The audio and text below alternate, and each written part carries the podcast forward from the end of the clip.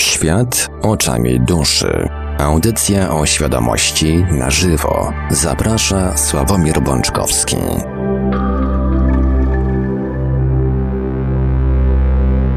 Witajcie bardzo gorąco i serdecznie na antenie Radia Paranormalium właśnie tutaj, właśnie teraz, prosto do Twoich uszu, drogi słuchaczu droga słuchaczko. Rozpoczynamy wlewanie kolejnego odcinka audycji o świadomości na żywo, audycja zatytułowana Świat oczami duszy, przy mikrofonie i za sterami technicznymi i ze smartfonem radiowym w ręku, na którym mam nadzieję będziemy dzisiaj odbierać jakieś telefony od Państwa.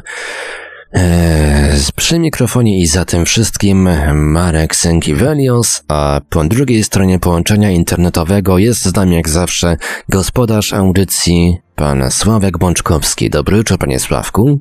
Dobry wieczór, panie Marku. Witam wszystkich serdecznie. Zanim e, zaczniemy pięknie celebrować koniec najpiękniejszego dnia tygodnia, e, tradycyjnie podam kontakty do Radia Paranormalium prawdopodobnie linię telefoniczną będziemy otwierać gdzieś tak koło godziny 21. Troszkę tutaj pozmienialiśmy, żeby pierwszą część audycji poświęcić w całości na omówienie tematu, a drugą część audycji na odpowiedzi, komentarze e, i tak tak. Mm, także numery telefonów warto zapisać sobie już teraz. Numer stacjonarny 32 746 0008, 32 746 0008, komórkowy 536 20 493, 536 20 493, skype radio.paranormalium.pl. Można także do nas pisać na gadu pod numerem 36 08 8002, 36 08 8002.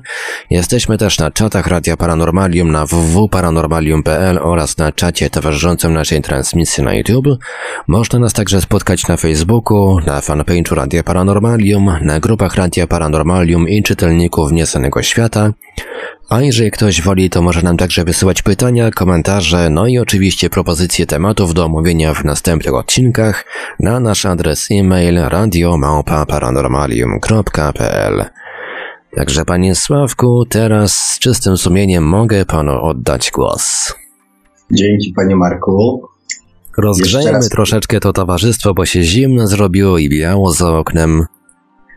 No, u mnie jeszcze na szczęście nie, ale zimą już zawiało faktycznie. Mam nadzieję, że temat dzisiejszej audycji troszeczkę rozgrzeje przynajmniej emocje i serca, e, bo dzisiaj Dzisiaj będziemy rozmawiali o transformacji podświadomości.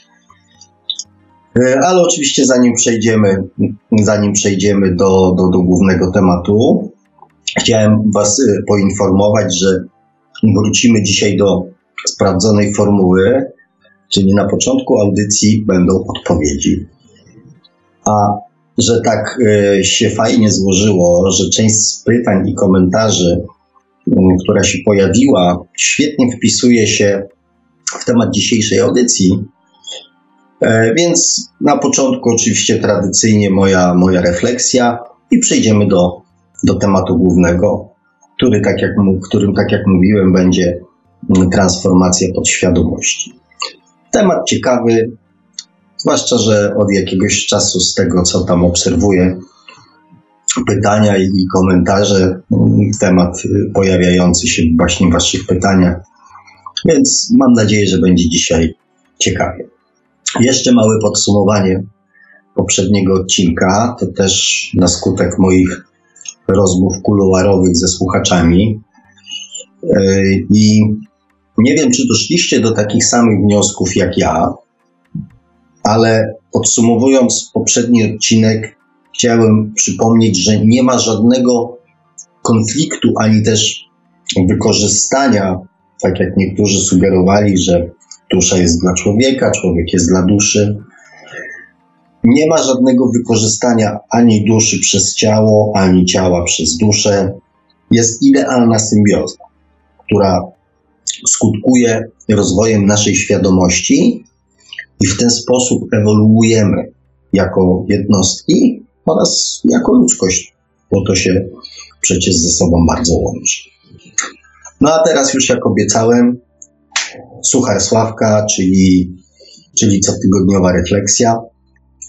Powiem Wam, kochani, że czasami czytając komentarze, zaczynam odnosić wrażenie, że, że powinna nastąpić zmiana prowadzącego tą audycję. Oczywiście mówię to w formie żartobliwej i oczywiście przekonaniu pewnie tylko co po niektórych słuchaczy. Odnoszę wrażenie, że czasami niektórzy wiedzą lepiej, o czym ja mówię i co chcę powiedzieć, co chcę przekazać. Nie ukrywam, że zaszczyt prowadzenia audycji w Radio Paranormalium spowodował, że może trochę przekombinowałem. I starałem się mówić trochę ogródkami, zamiast wprost, przedstawić Wam swoje prawdy, przemyślenia i jeszcze namawiać Was do głoszenia ich światu. A ja zamiast tego wszedłem w jakieś rozkminki. Ale powiem Wam, że zrobiłem to celowo i też w moim przekonaniu cel, który temu, temu przyświęca, jest słuszny. Ponieważ budowanie świadomości odbywa się przez doświadczanie, po to, aby zrozumieć i samodzielnie wyciągnąć wnioski. Więc ja postanowiłem wałkować pewne tematy długo i namiętnie po to, żebyś każdy, i ten bardziej zaawansowany, i ten mniej zaawansowany w tematyce słuchacz, mógł samodzielnie, samodzielnie wyciągnąć wnioski, zrozumieć i podjąć decyzję, czy się ze mną zgadza, czy nie. Chociażby po to, żeby później, nie wiem, w rozmowach z innymi ludźmi móc, móc, móc tego swojego zdania na przykład, nie wiem, obronić, bądź, nie wiem, wytłumaczyć je komuś innemu, tak? Być może to był błąd, a może raczej, może raczej zła metoda. I nawet miałem pomysł, żeby, żeby spróbować dzisiaj innej, ale stwierdziłem, że to, że to trochę będzie nie w zgodzie ze mną i, i, i z ideą, która mi przyświeca, więc, więc spróbujemy jeszcze po staremu. Poza tym, kochani, ja nie chcę być żadnym mistrzem, guru czy nauczycielem. Wiecie dlaczego? Ponieważ prowadzę tę audycję, aby budować świadomość, a nie podświadomość. A wszyscy, którzy uważają się za, za jakichś mistrzów, e, oczekują wyznawania ich teorii i uznawania ich praw. Miałem się nie odnosić do innych teorii, ale dzisiaj zrobię mały wyjątek, bo też nie mogę pozwolić na to, aby inne teorie ślepo gościły w audycji, którą prowadzę. Pod ostatnią audycją pojawił się komentarz próbujący usystematyzować określenia, które pojawiają się w naszych audycjach. Część, do której pragnę się odnieść, to, tu cytuję, dusza to świadomość, dużymi literami, a rzeczywistość jest wirtualna. Ponieważ spotkałem się wielokroć z takimi określeniami. Wiem, że są właśnie używane przez różnego rodzaju mistrzów, a później powielane i powtarzane przez jego, e, przez jego, mm, nie wiem, uczniów, naśladowców, nie wiem, jak to nazwać. Ja się trzymam swojej wersji.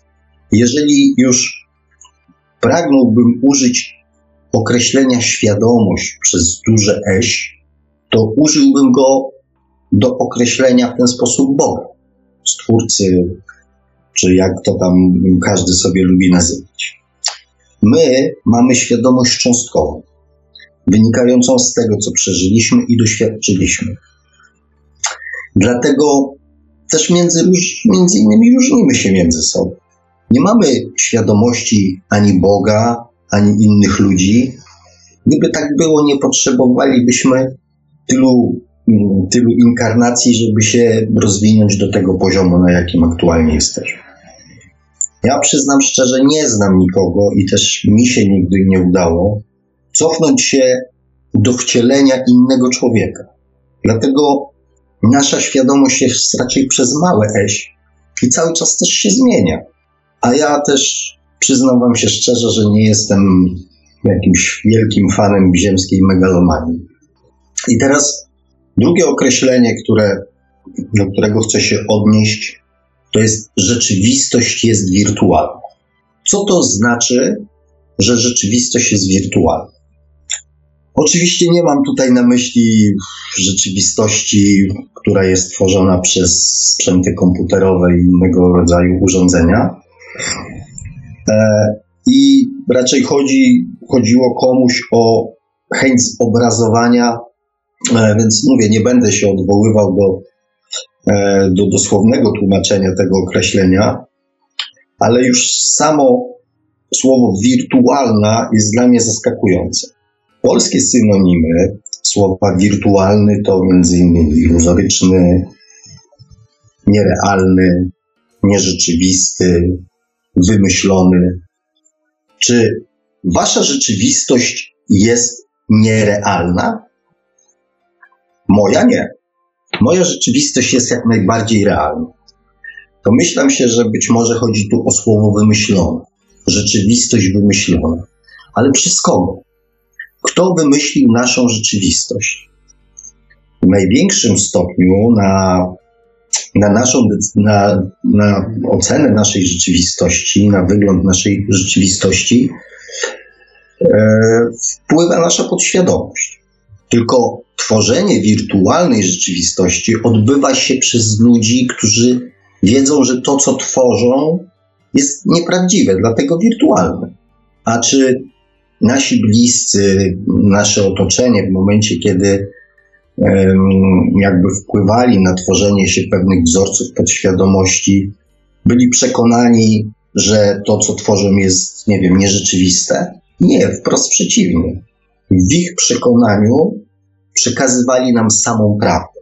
I teraz zapytam się dalej, czy ci, którzy twierdzą, że rzeczywistość jest wirtualna, przestali ją tworzyć, nie wiem, swoim dzieciom, swoim bliskim? W takim razie czego ich uczą? Jakie prawdy i zasady im przekazują?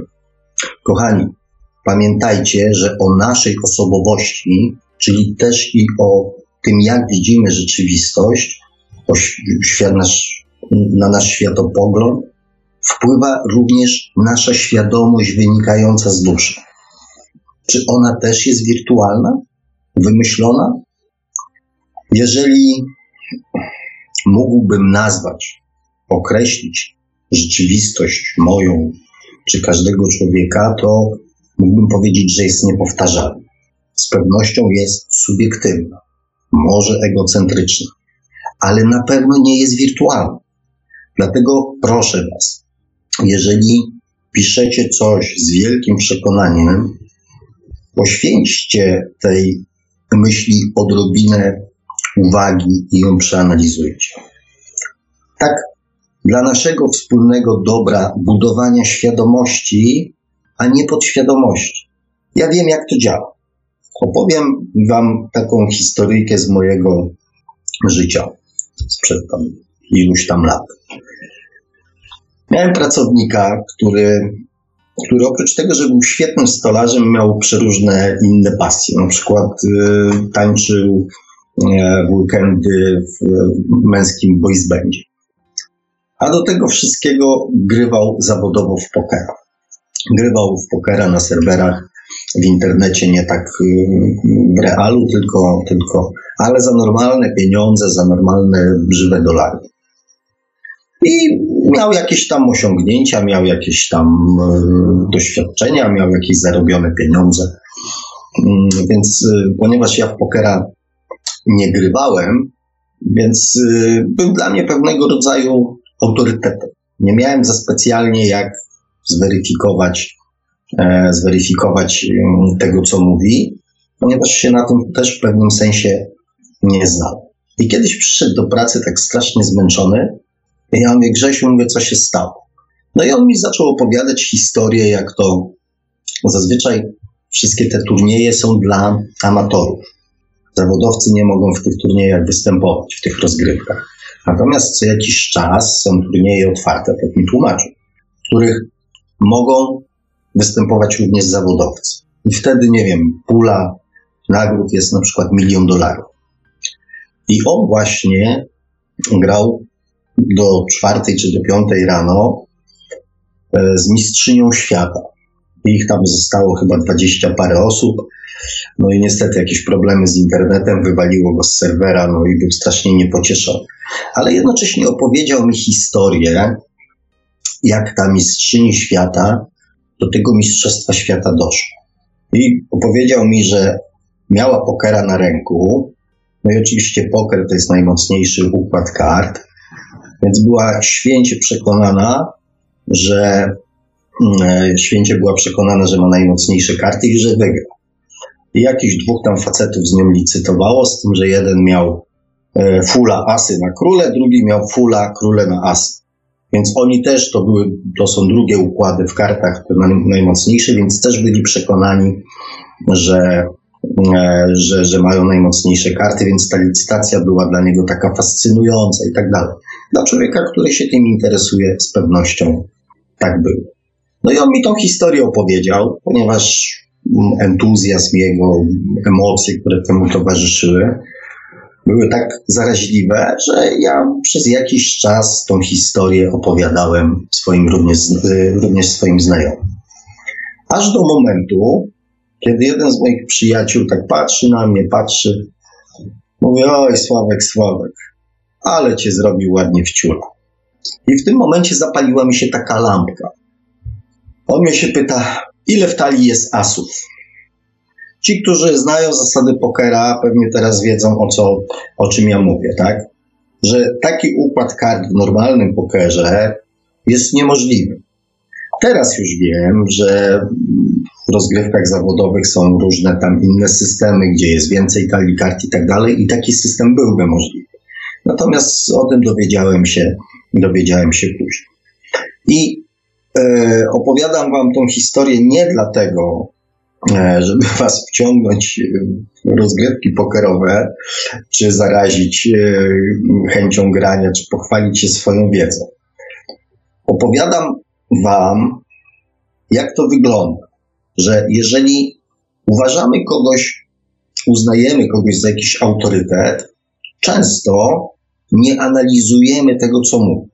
Zwłaszcza jeżeli się po prostu na tym nie znamy. Nie mamy jakby podstaw do tego, żeby um, wiedzy do tego, żeby to zweryfikować. I po prostu bezkrytycznie przekazujemy tą informację czy wiedzę innym. Między innymi dlatego ja nie chcę być ani żadnym autorytetem, ani żadnym nauczycielem. I proszę Was, kochani, proszę Was, nie przyjmujcie wszystkiego, co do Was mówię w ciemno. Wiem, że są to tematy, które ciężko jest zweryfikować wiedzą, nauką, ale proszę Was, słuchajcie się w siebie. Posłuchajcie swojego serca, posłuchajcie tak zwanej intuicji i sami sobie powiedzcie, czy zgadzacie się ze mną, czy nie. Bo pamiętajcie, że to, o czym mówię, każdy z nas przerobił na własnej skórze i to wiele razy. I tyle by było sucharów. Teraz powoli przechodząc do głównego tematu audycji, zapytam Was, czy wiecie, co to jest ewolucja? Ewolucja, czyli takie rozwijanie się, tak? W tym także ewolucja świadomości odbywa się w czterech etapach i na czterech płaszczyznach. Pierwsza to jest poznanie, czyli doświadczenie. I to jest poziom stricte fizyczny. I to jest właśnie rola tutaj Ziemi, to jest ta sfera taka nasza, e, naszych fizycznych doznań, tak? Po tamtej stronie możliwe jest tylko poznawanie, zrozumienie. To jest następny etap. I to jest płaszczyzna umysłowa. Zrozumienie prawdy, którą się, z którą się spotkałem z którą się spotykamy, zrozumienie. Natomiast następnym etapem jest zaakceptowanie tej prawdy. I to już jest sfera taka emocjonalna. I ostatnim etapem jest wcielenie tego w życie. I to jest właśnie rola duszy, i tu się to koło ewolucyjne zamyka, więc ponieważ jest to rola duszy, więc jest, jest to też sfera taka duchowa, ale możliwa tylko na Ziemi, bo można poznać coś, teoretycznie, bez doświadczania, ale niekoniecznie można to zrozumieć, dlatego ważne jest odwracanie i poznawanie tej samej sytuacji z dwóch różnych stron, bo, bo, bo, bo żeby, żeby zrozumieć, tak? A już tym bardziej samo teoretyczne poznawanie czegoś nie prowadzi najczęściej do akceptacji, do zaakceptowania tego. Wcielanie w życie jest tym etapem takim ostatnim, ale też i najtrudniejszym. Chociaż pewnie doświadczenie i część doświadczeń, przez które, e, przez które przechodzimy, też do przyjemnych e, nie należy. Zwłaszcza jeżeli, jak to określił jeden z naszych słuchaczy, pan Adam, odbywa się oddolnie. Bardzo mi się spodobało to określenie, dlatego pozwoliłem sobie je użyć. Ja to znam, że tak powiem, na przykład Majowie to nazwali e, rozwojem na skutek mądrości cienia. A ja to nazywam życiem, w którym rządzi podświadomość. Tu też jest odpowiedź na pytanie, dlaczego ja tak długo tłumaczę pewne kwestie. Bo w zasadzie to jest jedyna rzecz, którą mogę dla Was zrobić. Nie mogę za nikogo doświadczyć, nie mogę zaakceptować za nikogo, a już tym bardziej nie mogę za nikogo wcielić tego w życie. Mogę tylko pomóc zrozumieć. I to właśnie staram się robić najlepiej, jak potrafię. Jedziemy dalej. Jak powstaje podświadomość, już rozmawialiśmy.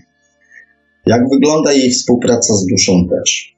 Więc skoro jest współpraca, a to już zaczynamy audycję, to już zaczynam, to już się słuchać skończy. Skoro jest współpraca, to po co transformować podświadomość? W sumie powiem Wam tak, nie trzeba. Więc jak się komuś nie chce, to po prostu nie musi. To chyba dobra wiadomość, nie? Transformacja podświadomości to nasz wolny wybór, to nasza decyzja. To nasza wolna wola. No i tutaj się właśnie dobre wiadomości kończą, bo możemy nie transformować podświadomości, ale to nie znaczy, że przerwiemy proces ewolucji, czy przestaniemy się rozwijać. No niestety nic z tych rzeczy. Proces będzie trwał nadal. Chyba mówię zagadkami, coś tak podejrzewam, więc już wyjaśnię. Proces transformacji podświadomości pozwala skrócić czas odrabianych lekcji, czyli skrócić czas ewolucji świadomości. Pozwala też przerwać produkcję karmy i na wielu płaszczyznach udaje się obecne procesy karmiczne zakończyć. Pomaga też świadomie wpływać na, na swoją przyszłość.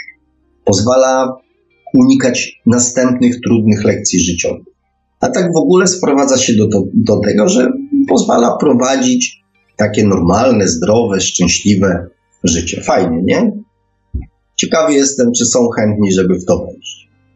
Mam nadzieję, że zaczyna Wam się podobać ten odcinek, więc, yy, więc możemy jechać dalej. Zresztą mam nadzieję, że po tym, co powiedziałem przed chwilą, nie muszę Was zbytnio namawiać do transformacji podświadomości. I pewnie teraz zastanawiacie się, jak to zrobić. Zaraz powiem, ale wcześniej powiem też, po co transformować podświadomość z punktu widzenia duszy. I też powiem Wam, o co w tym wszystkim chodzi Bogu. A dokładnie chodzi o zrozumienie. To znaczy, żebyśmy my zrozumieli, co jest dobre, a co złe. I tak postępowali na skutek własnych przekonań a nie na skutek straszenia nas, nie wiem, więzieniem albo na przykład piekłem. I to jest koniec tajemnic odnośnie Boga. Jego planu względem Was, mnie, Ziemi, ludzkości. Domyślam się, że znowu jest to zbyt proste, ale tym razem tego wątku już nie będę rozwijał. Nie chcę Was tutaj też zanudzać. Powiem Wam tylko, że Właśnie dlatego doświadczamy, a wszystkie doświadczenia zapisujemy na pendrive, tak jak żeśmy to nazwali sobie któregoś razu pięknie, na pendrive zwanym duszą. A Bóg się temu wszystkiemu przygląda i miłosiernie pozwala nam się mordować, no, nie wiem, kłamać, wykorzystywać, poniewierać, oszukiwać i robić całe mnóstwo paskudnych rzeczy, pilnując tylko, żebyśmy się nawzajem nie powyżynali i nie wysadzili tej, tej, tej planety w powietrze. Na zasadzie rób ta, co chce ta, jak mawia Owsiak, aż zrozumiecie na własnej skórze, że raju to w ten sposób się zbudować nie da. I tak przy okazji, skoro już o Bogu rozmawiamy, to jeżeli ktoś wam kiedyś powiedział, że to Bóg wymyślił karę, to was po prostu okłamał. Kara to wymysł ludzki. Żadna kara nas nie spotka ze strony Boga. Nie. My ukażemy się sami. I to właśnie robimy, kierując się podświadomością. I to jest kolejny powód, żeby ją zmienić. No i oczywiście wracamy do pytania, jak to zrobić. Jak pamiętacie, jak powstaje podświadomość, pewnie pamiętacie, ale no moim obowiązkiem jest, e, jest przypomnieć. Zapisywanie wzorca podświadomości jest zawsze związane z silnymi emocjami. A jakie emocje na Ziemi są najsilniejsze? W kolejności hmm, wartości, nie w sensie czy pozytywne, czy negatywne, tylko potencjału emocjonalnego, największy potencjał jest związany ze strachem, z lękiem. To jest największy ładunek emocjonalny. I drugi taki przeciwstawny to jest miłość. Z tym, że zawsze lęk, strach jest taki bardziej, bardziej prawdziwy. No ale to są jakby dwa, dwa takie główne i najsilniejsze źródła, źródła emocji. I to jest najprostszy sposób poprzez te dwa źródła, poprzez te, dwa, poprzez te dwie emocje, najprostszy sposób transformacji podświadomości. Sposób, by jeden wzorzec zastąpić drugi, nowy. Prawda, że proste? Mało tego. W większości przypadków tak właśnie to działa. Tak się właśnie dzieje. Pewnie część z Was pomyśli, że to nieprawda. Pewnie się niektórzy ze mną nie zgodzą, bo faktycznie najczęściej dzieje się to w sposób taki nieświadomy i nie do końca zaplanowany przez nas. Przecież um, jest najczęściej jakieś takie wymuszone. Na przykład z miłości do partnera zmieniamy swoje E, swoje postępowania, nawyki, przyzwyczajenia, często nawet poglądy. Z miłości do dzieci często potrafimy zrezygnować z tak zwanych, e, nie wiem, własnych przyjemności. Ja jestem facetem, więc, e, więc o tych takich przyjemnościach męskich powiem, typu, nie wiem, ryby, czy, czy wypady z kolegami na mecze, czy, nie wiem, praca po 14 godzin, czy wyścig szczurów, czy jakieś tam nałogi typu, nie wiem, hazard, alkoholizm, czy, czy, czy nie wiem, podrywanie innych kobiet, tak? Często też z miłości ratujemy własne związki, odstawiając na przykład yy, na bok egoizm, yy, albo na przykład z miłości do dzieci, tak? Po to, żeby ratować rodzinę.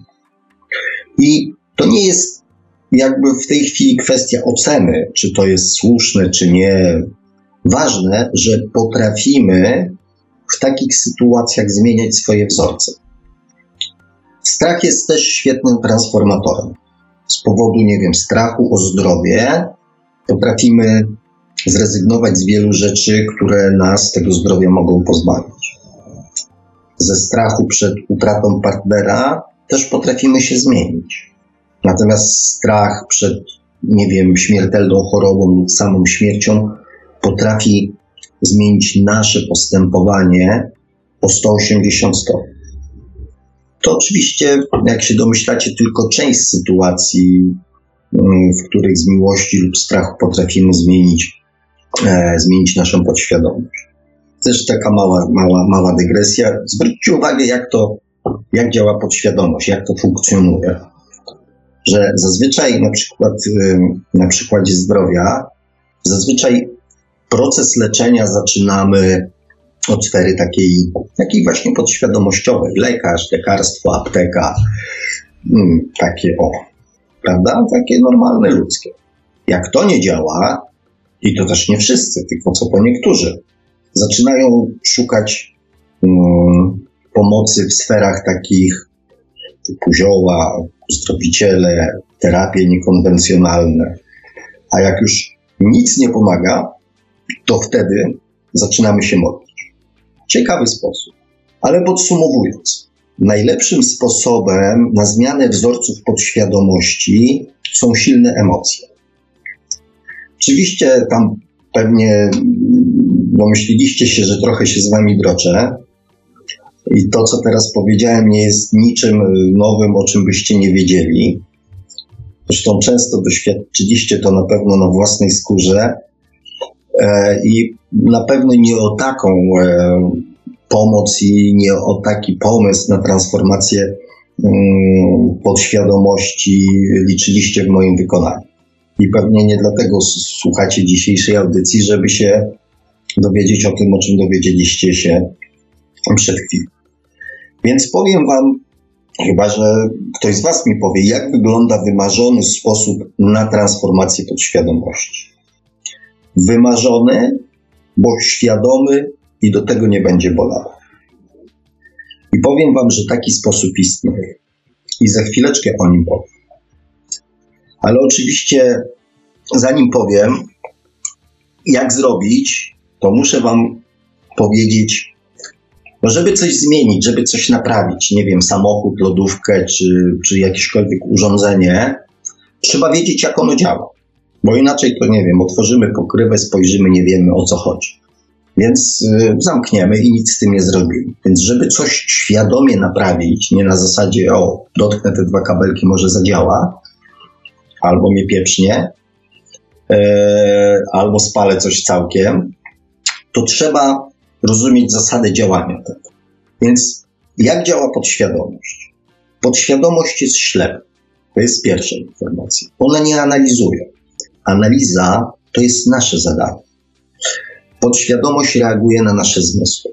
Podświadomość reaguje na nasze zmysły i podsuwa nam reakcję fizyczną i emocjonalną, wyciągniętą ze swojej bazy, najbardziej pasującą do danej sytuacji. I to jest w sumie bardzo ważna informacja i też w pewnym sensie największy problem ze zmianą wzorców.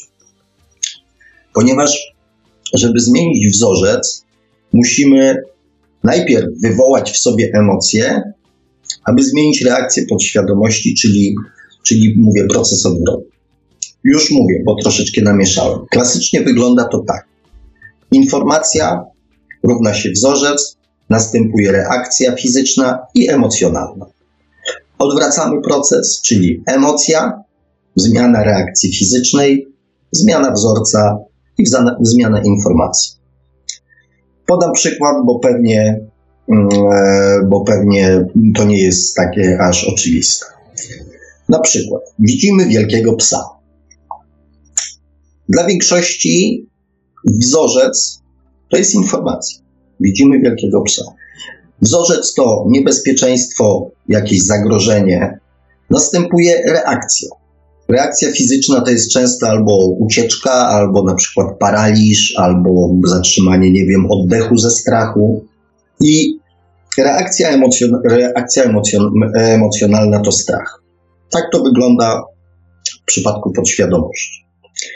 Jeżeli chcemy ten wzorzec zastąpić innym, to odwracamy proces.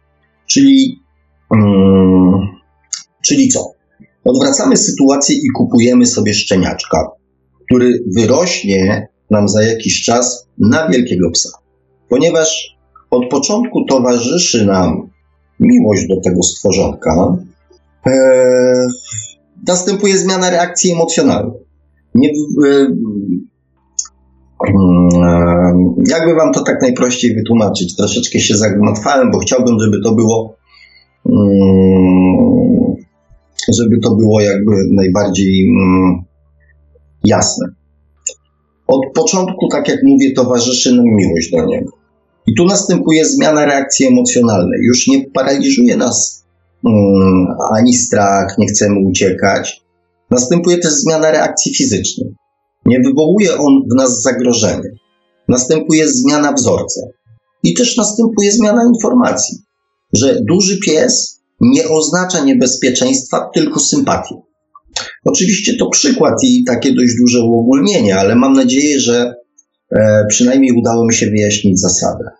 Dlatego najbardziej popularną metodą zmiany wzorców podświadomości są, um, są afirmacje i wizualizacje. Ponieważ podświadomość działa na zmysły, to jakby zaprzęgamy zmysły do zmiany wzorców. Założenie w sumie jest słuszne i zgodne z zasadą um, działania podświadomości. Afirmujemy sobie coś, z czym są związane um, nasze pozytywne emocje, wyobrażamy to sobie, to jakbyśmy sobie, to tak jakbyśmy coś widzieli, tak? Czyli uruchamiamy zmysł wzroku, e, zmieniamy naszą reakcję fizyczną, a w konsekwencji wzorzec i informacje.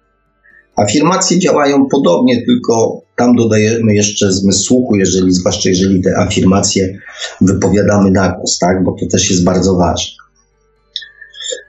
Z tym, że jest, e, znaczy jest kilka pułapek w tych metodach, tak? Musimy przekonać naszą podświadomość, że to, co afirmujemy i wizualizujemy, jest prawdziwe. Są oczywiście i na to metody, ale ponieważ jest jeszcze tam mnóstwo innych pułapek, jak na przykład nasze intencje, wiara, e, czy zgodność z lekcją, jaką zaplanowała nasza dusza, czyli tak zwanym przeznaczeniem, nie będę się w tej chwili skupiał na tych metodach, mm, ale jeżeli będzie zapotrzebowanie, to możemy oczywiście, oczywiście o tym porozmawiać. Innym też sposobem na transformację podświadomości jest modlitwa. To słuszny sposób, a do tego pokazujący podświadomości, że nie jest jedyną. Problem w tym, że oprócz tych pułapek, jak w afirmacjach czy wizualizacjach, dochodzi jeszcze utwierdzenie się w mylnym wzorcu, że nie wiem, że Bóg nam coś da, że Bóg coś za nas załatwi, e, że Bóg coś zmieni w naszym życiu. No i do modlitwy potrzebna jest bardzo silna wiara.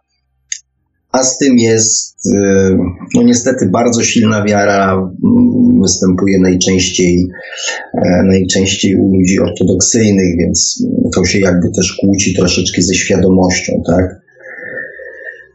E, więc jeżeli będziecie chcieli, możemy sobie na ten temat porozmawiać. Natomiast ja korzystając z faktu, że poruszyliśmy temat wiary, przejdę płynnie do przedstawienia Wam mojej metody, która tak naprawdę jest warunkiem skutecznych afirmacji i wizualizacji. Tu niestety, mówię niestety nie dla siebie, tylko um, niestety dla podświadomości, co po niektórych z Was, moi kochani, muszę się posłużyć przykładem z religii. Chociaż wiem, że, że mówię, że podświadomość mm, niektórych e, słuchaczy może w tym momencie automatycznie zareagować odrzuceniem, negacją, ale po pierwsze, lepszy przykład mi nie przyszedł do głowy.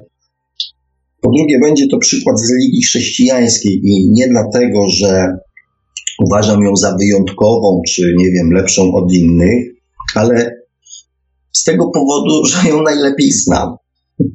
I będzie, słuchajcie, o spowiedzi, ponieważ sens i znaczenie spowiedzi ma charakter bardzo symboliczny i bardzo uniwersalny. I pomijam w tej chwili kwestię, co zrobił z niej Kościół. To jakby nie jest tematem naszej rozmowy, zostawiam to w Waszej ocenie, czy tam e, no, no, zrobicie z tym, co będziecie, że tak powiem, co Wam serce podpowie, tak? Ja się skoncentruję na, na uniwersalności, na uniwersalności tego, tego, że tak powiem, procederu. Nie wiem, czy znacie, czy pamiętacie, były tak, było takie coś jak warunki spowiedzi. Nie wiem, mówię, czy pamiętacie, ale ja się przygotowałem. Ja się przygotowałem, więc pozwolę sobie Wam, e, pozwolę sobie Wam przypomnieć. Pierwszy to jest rachunek sumień. Drugie to jest szczera spowiedź. Trzecie to jest żal za grzechy. Później jest Mocne postanowienie poprawy i zadośćuczynienia. Zrobiłem sobie ściągawkę specjalnie na tą okoliczność. A teraz szybko przetłumaczę to na język ludzki, zanim zaczniecie mnie podejrzewać tutaj, nie wiem, może o próbę nawracania czy coś w tym stylu. Rachunek sumienia to jest obiektywna ocena sytuacji. Szczera spowiedź to jest, to jest rozmowa. To jest rozmowa. I naprawdę przestańcie widzieć tego księdza tam za tymi kratkami pukającego drewnianą e, tą. To jest rozmowa. Czy ze sobą, czy z kimś, komu, nie wiem, na przykład wyrządziliśmy krzywdę. Potraktujcie tą sytuację jako taką zwykłą życiową, tak? Czyli coś, coś na, nie wiem, nawybijaliśmy w życiu, tak? I chcemy tą sytuację naprawić. Więc rachunek sumienia to jest obiektywna ocena sytuacji. To jest stwierdzenie, że faktycznie coś zawaliłem, tak? Następnym etapem to jest rozmowa z tą osobą.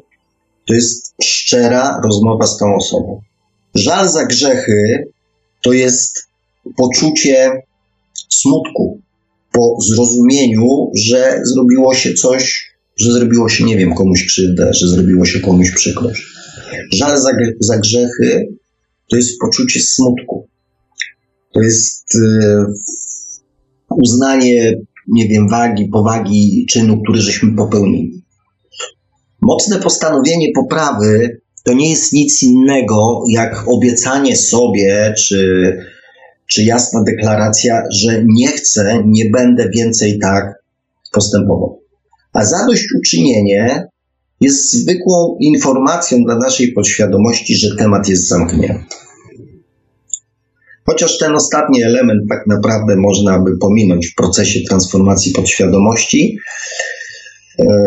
no ona ma znaczenie przy załatwianiu ludzkich spraw, tak?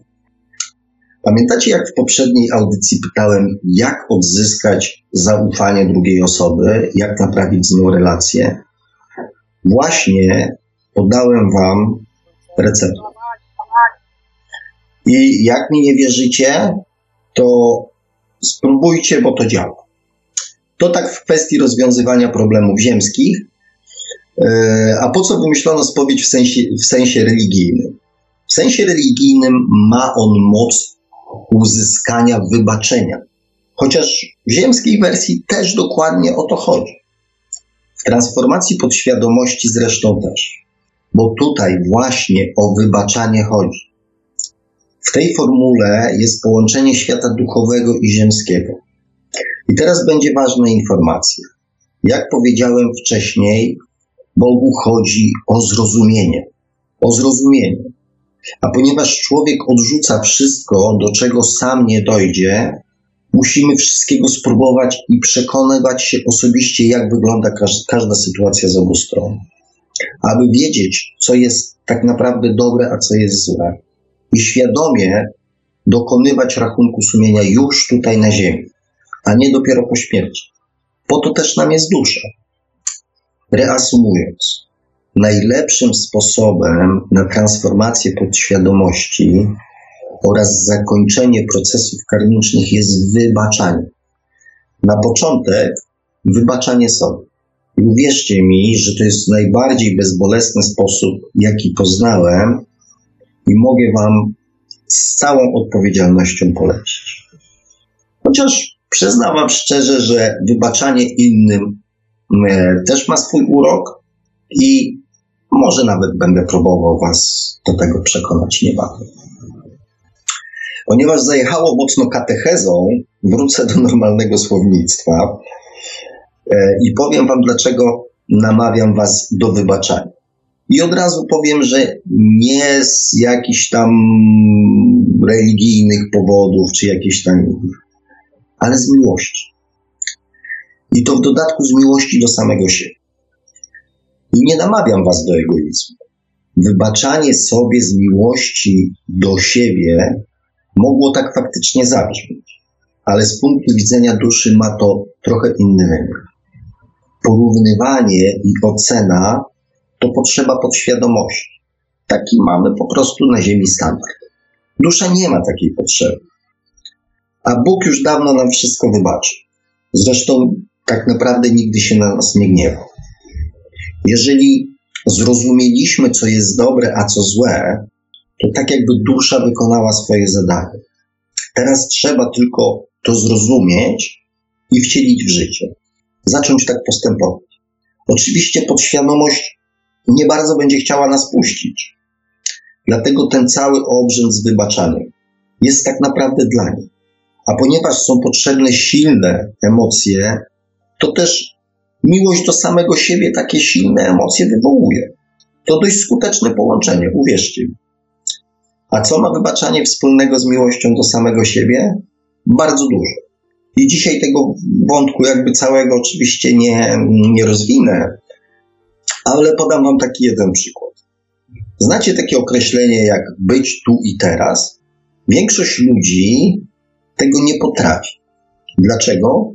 Bo bardzo często przeżywamy coś, co już miało miejsce, albo przeżywamy coś, co ma dopiero nastąpić. Wybaczanie sobie i innym tego, co już było, pozwala uwolnić się od przeżywania przeszłości i też przynosi olbrzymią ulgę pozbycia się ciężaru. I jednocześnie dla naszej podświadomości jest to informacja, że tak jakby zakończyliśmy, zakończyliśmy jakąś tam sprawę, że nie musi już nas jakby tutaj e, bombardować, e, bombardować potrzebami załatwienia tej sprawy. A takie ludzkie załatwienie tej sprawy jest różne, tak? Jeżeli, nie wiem, ktoś zrobił nam przykrość, no to nie wiem, to może być zemsta, to może być chęć odegrania się, to może być chęć udowodnienia mu czegoś, nie wiem, zjednania innych ludzi przeciwko niemu, tak? I tracimy, tracimy cenną energię i czas na załatwianie jakiejś sprawy, a podświadomość cały czas nam podsuwa różne pomysły. W momencie, kiedy wybaczamy, podświadomość dostaje informację koniec. Koniec. Ten temat nie musi się już pojawiać w naszych, że tak powiem, w naszym życiu, w naszych rozmyśleniach. No właśnie. Więc um, powiem Wam, że to jest jakby dla mnie osobiście najszybsza i najprzyjemniejsza metoda transformacji podświadomości, jaką przetestowałem. Mam jeszcze pomysł na jedną, ale to, to, to, to za chwileczkę. I mogę Wam tą metodę z czystym sumieniem i z całego serca polecić. Wiem, że trochę namieszałem, bo było i o podświadomości, i o duszy, mm, ale przetestowałem to na sobie i wiem, że transformacja podświadomości poprzez rozwój świadomości jest naprawdę fajną metodą, a dla naszej podświadomości dawka emocji związana z wybaczaniem i poczuciem miłości jest naprawdę dobrym powodem do zmiany wzorców, które już mam. Może nie powinienem teraz mówić o, o, o pułapkach, bo w sumie zrobiło się, mam nadzieję, że miło i o problemach, ale zauważyłem też, że bez wybaczania na skutek zrozumienia nasza podświadomość, mimo że przyzwyczajona do reagowania na zmysły, słyszy subtelne głosy naszej duszy i z tym większą chęcią podsyca nasze przekonania, że nie zasługujemy na coś, na przykład na szczęście, na radość, na zdrowie, na bogactwo, na bezpieczeństwo i parę innych ziemskich y, przyjemności. Następną sprawą jest to, że często afirmacje czy wizualizacje, bo jeszcze wrócę do nich na moment, wynikają i są potrzebą naszej podświadomości. I nie mają nic wspólnego z potrzebami naszej duszy. Czyli nie są zgodne z doświadczeniami, które dla nas zaplanowała, czyli z jakimś tam nazywając to naszym przeznaczeniem i często są w konflikcie z rozwojem naszej świadomości i w konsekwencji tylko wydłużają naszą naukę. Do dobrych i skutecznych, znaczy dobrych dla nas i skutecznych afirmacji też jest potrzebna świadomość. jest jeszcze jeden ważny powód, dla którego warto pracować y, z podświadomością i ją transformować. W świecie energii, w którym żyjemy, nie istnieją słowa. Nie istnieją słowa, bo przecież jest tyle języków na świecie, że mm, może nie wiem, tam gdzieś musiałby siedzieć jakiś tłumacz symultaniczny, który by to wszystko, bo ten tak, bo ten tak, bo ten tak, nie? Nie, nie istnieją słowa. W świecie energii rządzą emocje i intencje. Podświadomość, podsuwając nam reakcję, podsuwa również przypisaną do niej emocję. I na przykład, tu już posłużę się przykładem, żeby już nie mieszać bardziej, na przykład, nie wiem, niechęć do wykonywanej przez nas pracy. Myślenie powoduje myśl, nie chcę tutaj pracować, nie chcę wykonywać tej pracy. Więc po pierwsze jest związana z tym negatywna emocja, związana jest z tym negatywna emocja, ale dla naszej podświadomości nie oznacza tego samego, co dla nas, bo my, myśląc sobie na przykład, nie chcę pracować w tej pracy, mamy w zamyśle, chcę znaleźć lepszą pracę, chcę mieć lepszą pracę, tak? Dla podświadomości nie ma słowa chcę, nie chcę. Są tylko emocje. I tak jak ze słowem nie chcę są związane negatywne emocje, tak ze słowem chcę raczej pozytywne. Dlatego koncentrując, wysyłając taką emocję w świat energii, nie zdziwcie się, jeżeli na przykład może to zaskutkować tym, że będziecie mieli wypadek, który uniemożliwi Wam pracę, wykonywanie takiej pracy. Lub na przykład wpakujecie się w jakąś, niechcący w jakąś aferę, czy po prostu zostaniecie zwolnieni. Bo nie chcę wykonywać pracy, tej pracy, nie oznacza dla podświadomości, chcę mieć lepszą.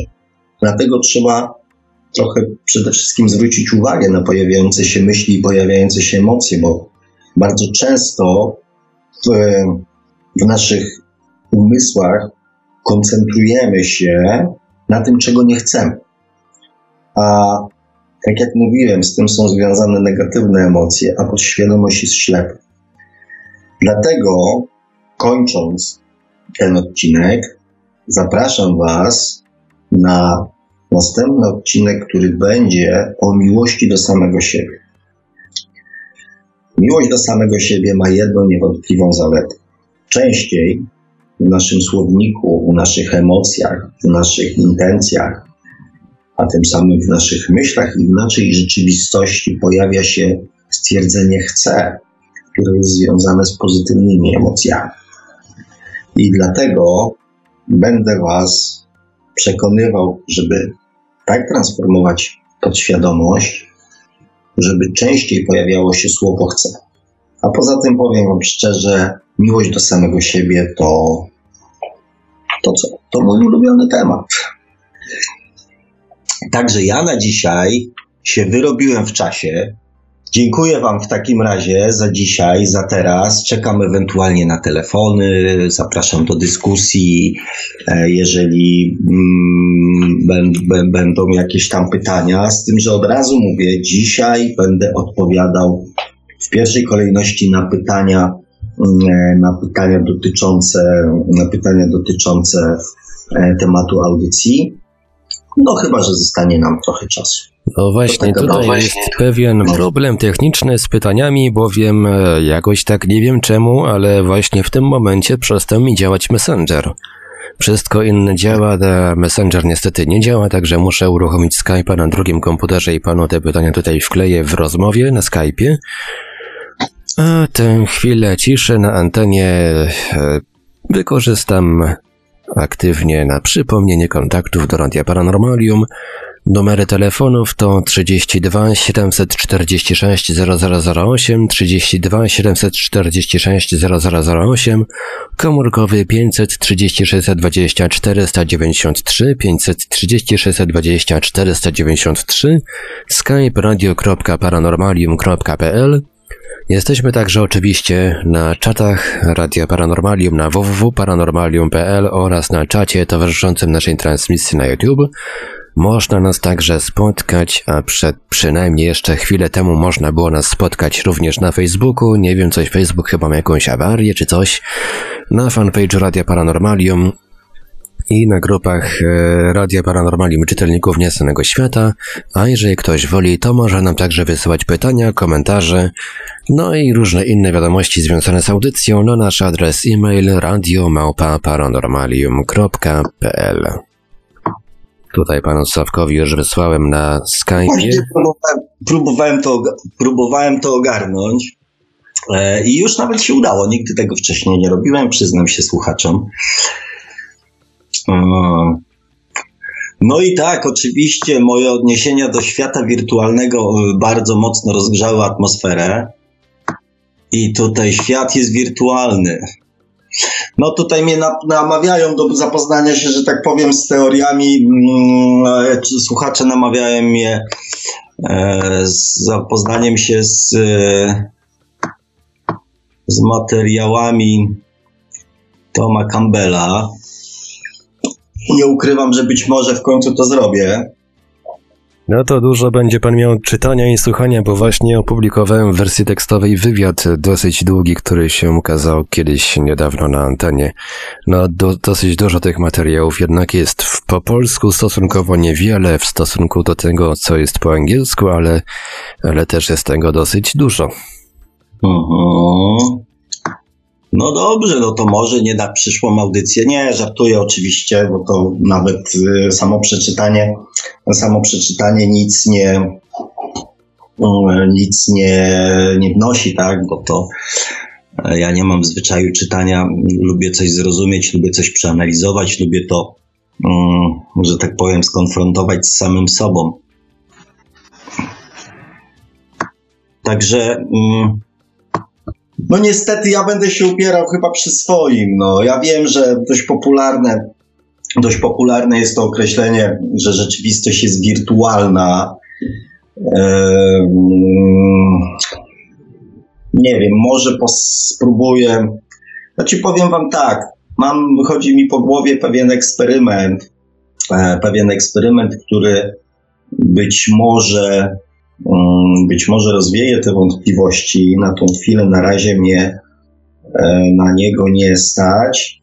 No i też będę potrzebował i też będę potrzebował pomocy do, i chętnych do udziału w tym eksperymencie, żeby jakby poszerzyć zakres, poszerzyć zakres doświadczenia, tak? Natomiast e, ja wrócę do jednego, kochani. Ktoś wymyślił określenie wirtualna i to określenie w jakiś sposób przylgnęło. To jest pewnie coś w rodzaju jak z duszą i z podświadomością w języku polskim. Eee, I to funkcjonuje jako jakieś tam określenie. Ja, ja po prostu uważam, że język polski jest tak bogaty w różnorodne, w różnorodne um, słowa, że mamy możliwość nazywania precyzyjniej pewnych stanów, pewnych przeżyć, pewnych doświadczeń, tak? Dlatego ja uważam, że sposób postrzegania rzeczywistości przez każdego z nas jest inny. To prawda. Natomiast on nie jest wymyślony, ponieważ dla każdego z nas jest jak najbardziej rzeczywisty. Jeżeli już ktoś tą wirtualność tworzy, to tylko my. Ale w dalszym ciągu nie uważam, że rzeczywistość jest wirtualna. Postrzegamy go przez pryzmat samych siebie, poprzez pryzmat swojej własnej podświadomości, poprzez pryzmat swojej świadomości. Postrzegamy ludzi, rzeczywistość, sytuacje. I to tworzy jakby nasz osobisty pogląd na tą rzeczywistość, którą oglądamy. Natomiast ta rzeczywistość nie jest wymyślona. I tylko i wyłącznie o to mi chodzi. Bo nie wiem, to tak jakby ktoś, nie wiem, wymyślił dla nas, nie wiem, drzewo, tak, które nie istnieje.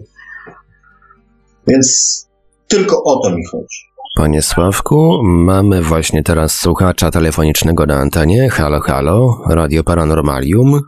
E, Witam serdecznie. E, Chciałam się tylko zapytać, czy dobrze mnie słychać, ponieważ ja dzwonię przez e, takie różne komunikatory i nie wiem, czy, czy, czy dobrze. Bardzo dobrze. Bardzo dobrze. Ja też słyszę bardzo dobrze. No okej. To e, witam Iwelios, witam Panie Sławku. E, Justin się kłania. E, w kwestii sprostowania Justin, witam. pan twierdzi, że, że nie można nazywać tak, że rzeczywistość jest wirtualna. Otóż em, moja opinia jest absolutnie niezgodna z Panem z tego powodu, że jeżeli spojrzymy przez pryzmat tego, czy Pana rzeczywistość jest tożsama z moją rzeczywistością, no to chyba się Pan nie zgodzi, że żyjemy w tej samej.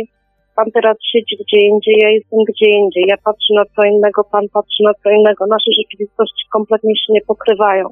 Ale czy to E, znaczy, że one oprócz są wirtualne? E, Nie, nie, nie. Moja rzeczywistość jest bardzo ale realna i moja również. Proszę mi do Bardzo subiektywna, ale jednak realna. Niewymyślona. No właśnie, no właśnie nie. Z tego powodu, że e, my afirmujemy swoją myślą cały czas, calusieńki czas. W każdej naszej myśli jest emocja. I w momencie, kiedy ja będę stała ze swoim mężem obok siebie i mamy problem, nie wiem, bodajże czy kupić ten telewizor, a inny, tele, czy inny telewizor, i on sobie spojrzy w internet i powie, ludzie oceniają ten telewizor negatywnie, a ja powiem mu, a ja tutaj znalazłam, że ludzie oceniają pozytywnie. Nasze rzeczywistości już są inne, bo on myśli, że ten telewizor się szybko zepsuje, a ja myślę o tym, że on będzie działał. W związku z tym każdy z nas już afirmuje i produkuje swoją własną rzeczywistość. Rzeczywistość jest wirtualna. Nie jest jednoznaczna.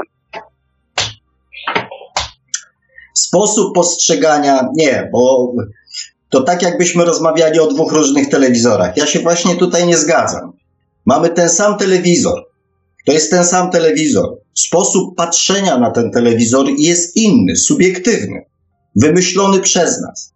I właśnie to jest, to jest coś-.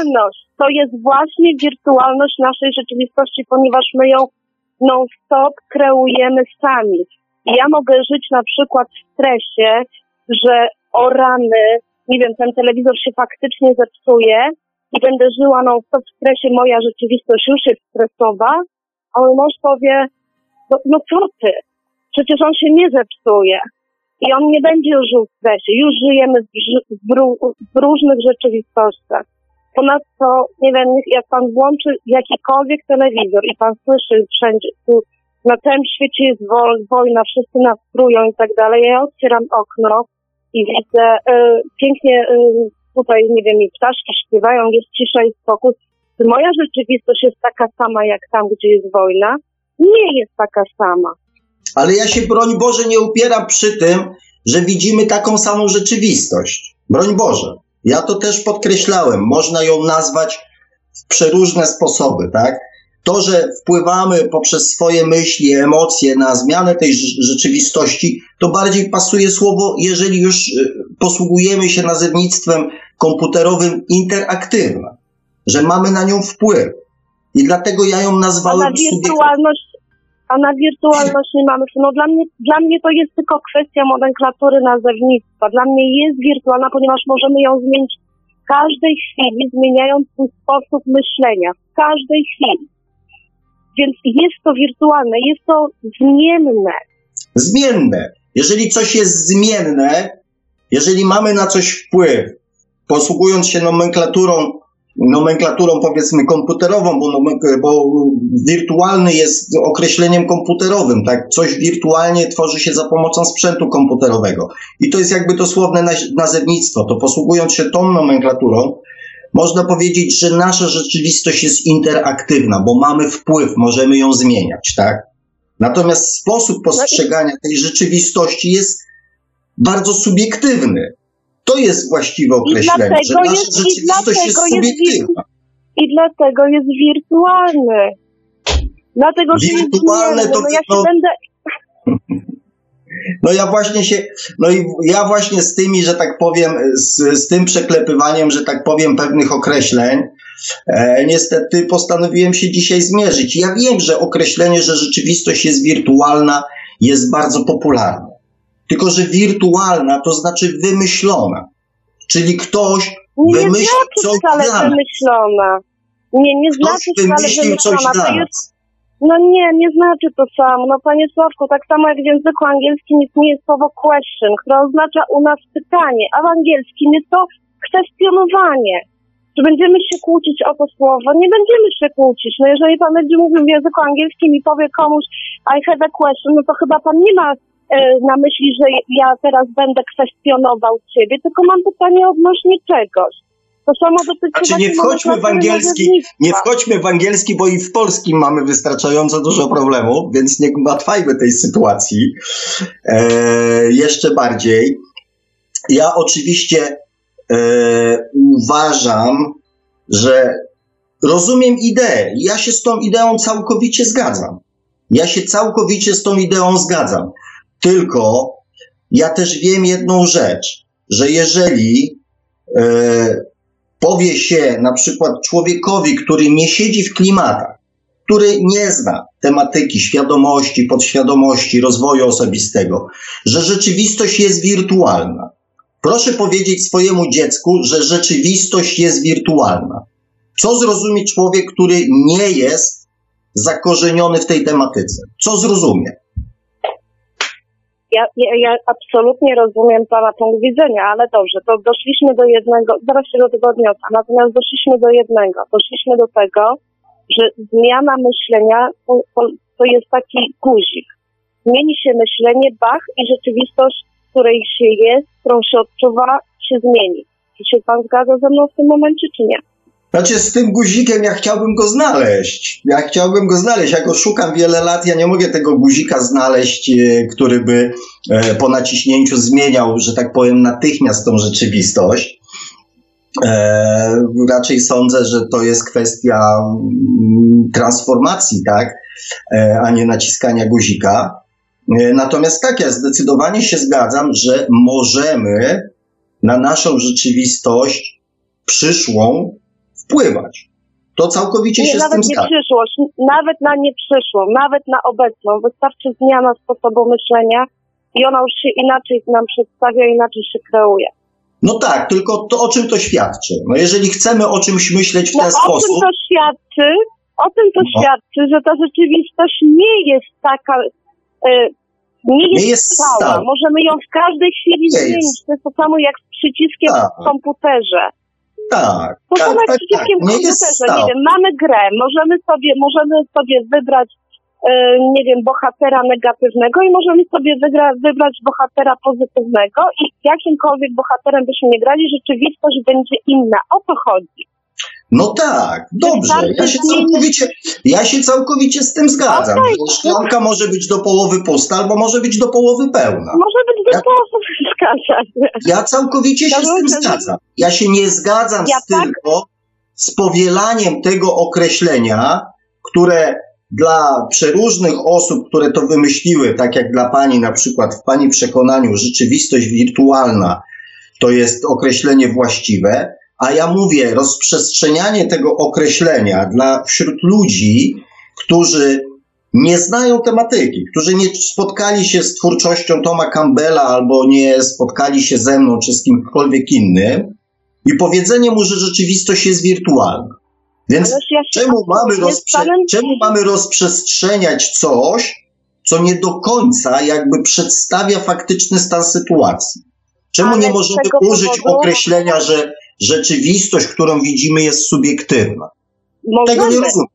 Oczywiście, że możemy. Dlatego ja dzwonię do pana, że, bo pan zarzucił, że ktoś tam powiedział rzeczywistość wi- wirtualna, zresztą to ja do pana napisałam, nieważne, że, że, że, że, że to jest, e, że mm, najlepiej nie słuchać żadnych guru i tak dalej. Pan Campbell nie jest dla mnie żadnym guru i kiedy ja się spotkałam e, z nazewnictwem e, rzeczywistość jest wirtualna, to ja przez pół roku się po prostu z tego śmiałam, nawet nie zaglądając, co ten człowiek mówi. Dopiero kiedy zaczęłam w to wnikać, ja zrozumiałam w jego sposób nomenklatury nazewnictwa i tyle tylko. E, Stąd mój telefon, żeby powiedzieć, w jaki sposób e, można tłumaczyć no, no to nazewnictwo, że rzeczywistość jest wirtualna. Dla mnie jest wirtualna, bo mogę ją zmienić w każdej chwili. To jest bardziej Ja tak to interaktywne. osobiście odbieram. Natomiast Mhm. wracając jeszcze do tego tematu, że proszę powiedzieć swojemu dziecku i tak dalej, no to ja tak wiem, może przypomnę, że czy ludzie wierzą, czy nie wierzą, abstrahując od tego, no był tutaj 2000 lat temu taki człowiek, który mówił o tym samym, co pan teraz mówi, który mówił o tym samym, co Campbell teraz mówi, ale ponieważ nazewnictwo na tamten czas było, on musiał używać takich nazw, takich nazewnictw, żeby to było zrozumiane dla ówczesnych ludzi. No i przede Całkowicie wszystkim używał takiego nazewnictwa, jakie sam rozumiał. Całkowicie No się, ja myślę, że on, całkowicie ja się myślę, że ja myślę, ja myślę, że on, że on miał więcej do powiedzenia i i tylko, że no po prostu ci ludzie tego nie rozumieli. I nie mógł tego powiedzieć, więc mówił to w przypowieściach jakichś tam i takich innych rzeczach, żeby to ludzie jakoś ogarnęli, a nie ogarnęli ostatnio.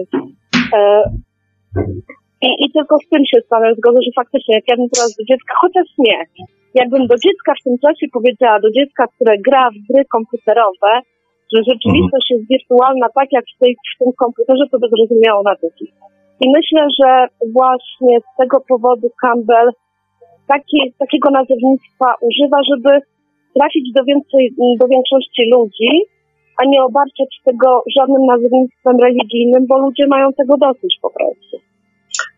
Ja powiem tak, to jest kwestia, że tak powiem, reakcji naszej podświadomości na to, ewentualnie świadomości. Ja cały czas czepiam się jednej rzeczy, że rzeczywistość wirtualną wymyślają inni dla nas. To jest określenie rzeczywistości wirtualnej. I mają założenie takie i wiedzą o tym, że to, co wymyślają, ma być podobne do tego, co widzimy, ale wiedzą, że to nie jest rzeczywiste. To jest rzeczywistość wirtualna. I być może pani dziecko na przykład by to zrozumiało, bo dzieci akurat w tej rzeczywistości wirtualnej bardzo chętnie się prze, prze, e, odnajdują, bardzo chętnie spędzają tam czas w tej rzeczywistości wirtualnej. Co jest moim zdaniem pewnego rodzaju problemem. Zobaczymy, co z tego, że tak powiem, wyniknie, tak? Ale właśnie to jest rzeczywistość wirtualna. Czyli Dzieci twierdzą, nie wiem, sześciolatkowie, że w amerykańskich szkołach to jest tak i tak. Chociaż w życiu nie byli w Ameryce, ale obejrzeli jeden film, drugi film, trzeci film. To jest właśnie rzeczywistość wirtualna. To jest właśnie rzeczywistość wymyślona po to, żeby przyciągnąć, nie wiem, słuchacza, przyciągnąć oglądacza. To jest właśnie rzeczywistość wirtualna. Podobna, ale jednocześnie wymyślona przez kogoś innego dla nas.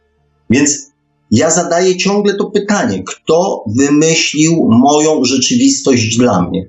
Kto wymyślił moją rzeczywistość dla mnie? No pan sobie to wymyślił. Więc nie było udziału Właśnie osób pan sobie to trzecich. wymyślił. To jest Więc to nie samo- było właśnie- Absolutnie, pan dlatego sobie to mówię. wymyślił. Nie było, znaczy był udział osób trzecich, czyli budowanie mojej podświadomości w moim dzieciństwie, czyli moi rodzice.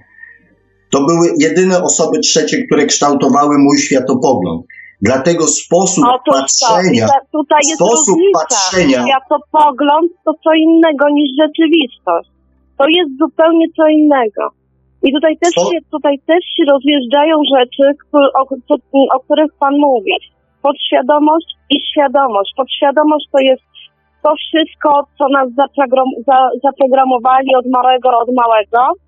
Świadomość jest kompletnie czymś innym. Ja rozumiem, zaprogramowani. że znowu tutaj, i znowu tutaj wchodzi nazewnictwo, że ktoś tam powie, a ja jestem tego świadoma, że, że trawa jest zielona. No dobra, trawa jest zielona, bo taką ją widzisz, jesteś świadoma, ale to nie twoja świadomość ci to mówi, tylko mówi ci to twoja podświadomość, że trawa jest zielona, bo tego jesteś nauczony od małego. Hmm, powiem tak. No, sytuacja się robi coraz bardziej, że tak powiem, skomplikowana. Sytuacja się robi coraz bardziej skomplikowana. Ja twierdzę, że jesteśmy wynikową przynajmniej dwóch składników. Wynikową przynajmniej dwóch składników. Dla mnie na przykład moja rzeczywistość niewirtualna to na przykład jest założenie, że wszyscy ludzie są uczciwi, dobrze mi życzą jeżeli coś mówią, to wiedzą. Tak? To jest na przykład moja rzeczywistość. Ja tak podchodzę do ludzi i całe życie tak podchodziłem, aczkolwiek to nie jest wynik mojej podświadomości, bo na przykład wychowywanie moich rodziców, czyli programowanie, spowodowało to, że moja rodzona siostra myśli o ludziach zupełnie inaczej. A ja wielokroć dostałem z tego powodu po dupie. Więc o co chodzi? Więc o co chodzi? Jak ta, jak ta rzeczywistość, jak ta rzeczywistość z mojego punktu w takim razie wygląda? Co decyduje, że ja tak tą rzeczywistość widzę? No, już, już mogę, tak? Jasne. Ponieważ Pan swoją rzeczywistość sam sobie wykreował. Dlatego Pan ją tak widzi i inaczej ją widzi Pana siostra, bo ona sobie swoją rzeczywistość sama wykreowała. No tak, no to już wiemy, że sami sobie kreujemy. Na tak? podstawie, tak? na Więc co to ma wspólnego z wirtualnością? No dużo ma wspólnego z wirtualnością, dlatego że można to w każdej chwili zmienić. Swoją rzeczywistość w każdej chwili można zmienić. Nie wiem, dla mnie rzeczywistość oznacza coś takiego, jeżeli byłaby stała i normalna, to każdy widzi rzeczywiście, co się dzieje. Rzeczywistość jest taka i taka i taka i nie ma, nie ma co do tego żadnych wątpliwości. Nie, tak, tak nie jest. Ponieważ dla każdego człowieka z osobna, nawet żyjącego w tym samym domu, rzeczywistość może wyglądać zupełnie inaczej. Czyli jest subiektywna, jest egocentryczna, jest osobista. To pan to nazywa subiektywną, ja to będę nazywać wirtualną, bo mi bliżej. Bo mogę ją w każdej Ej. chwili zmienić. Mogę ją no zmienić. Nie, no to oczywiście, że oczywiście, że tak. Ja uważam, że język polski jest na tyle, mówię, fajny, cudowny, że możemy używać precyzyjnych określeń, które też e, nie będą określały, nie wiem, kilkunastu rzeczy na tym świecie, tylko jedną jedyną.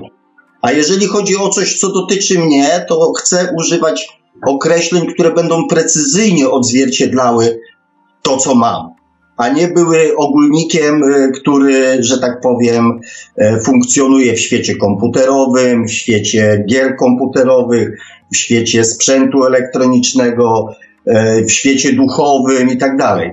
Że jedno, jedno określenie określa, nie wiem, miliony sytuacji. Bo do tego no, się ale to tak właśnie, Ale to właśnie występuje w słowie Bóg. Nie rozumiem. Czy nie?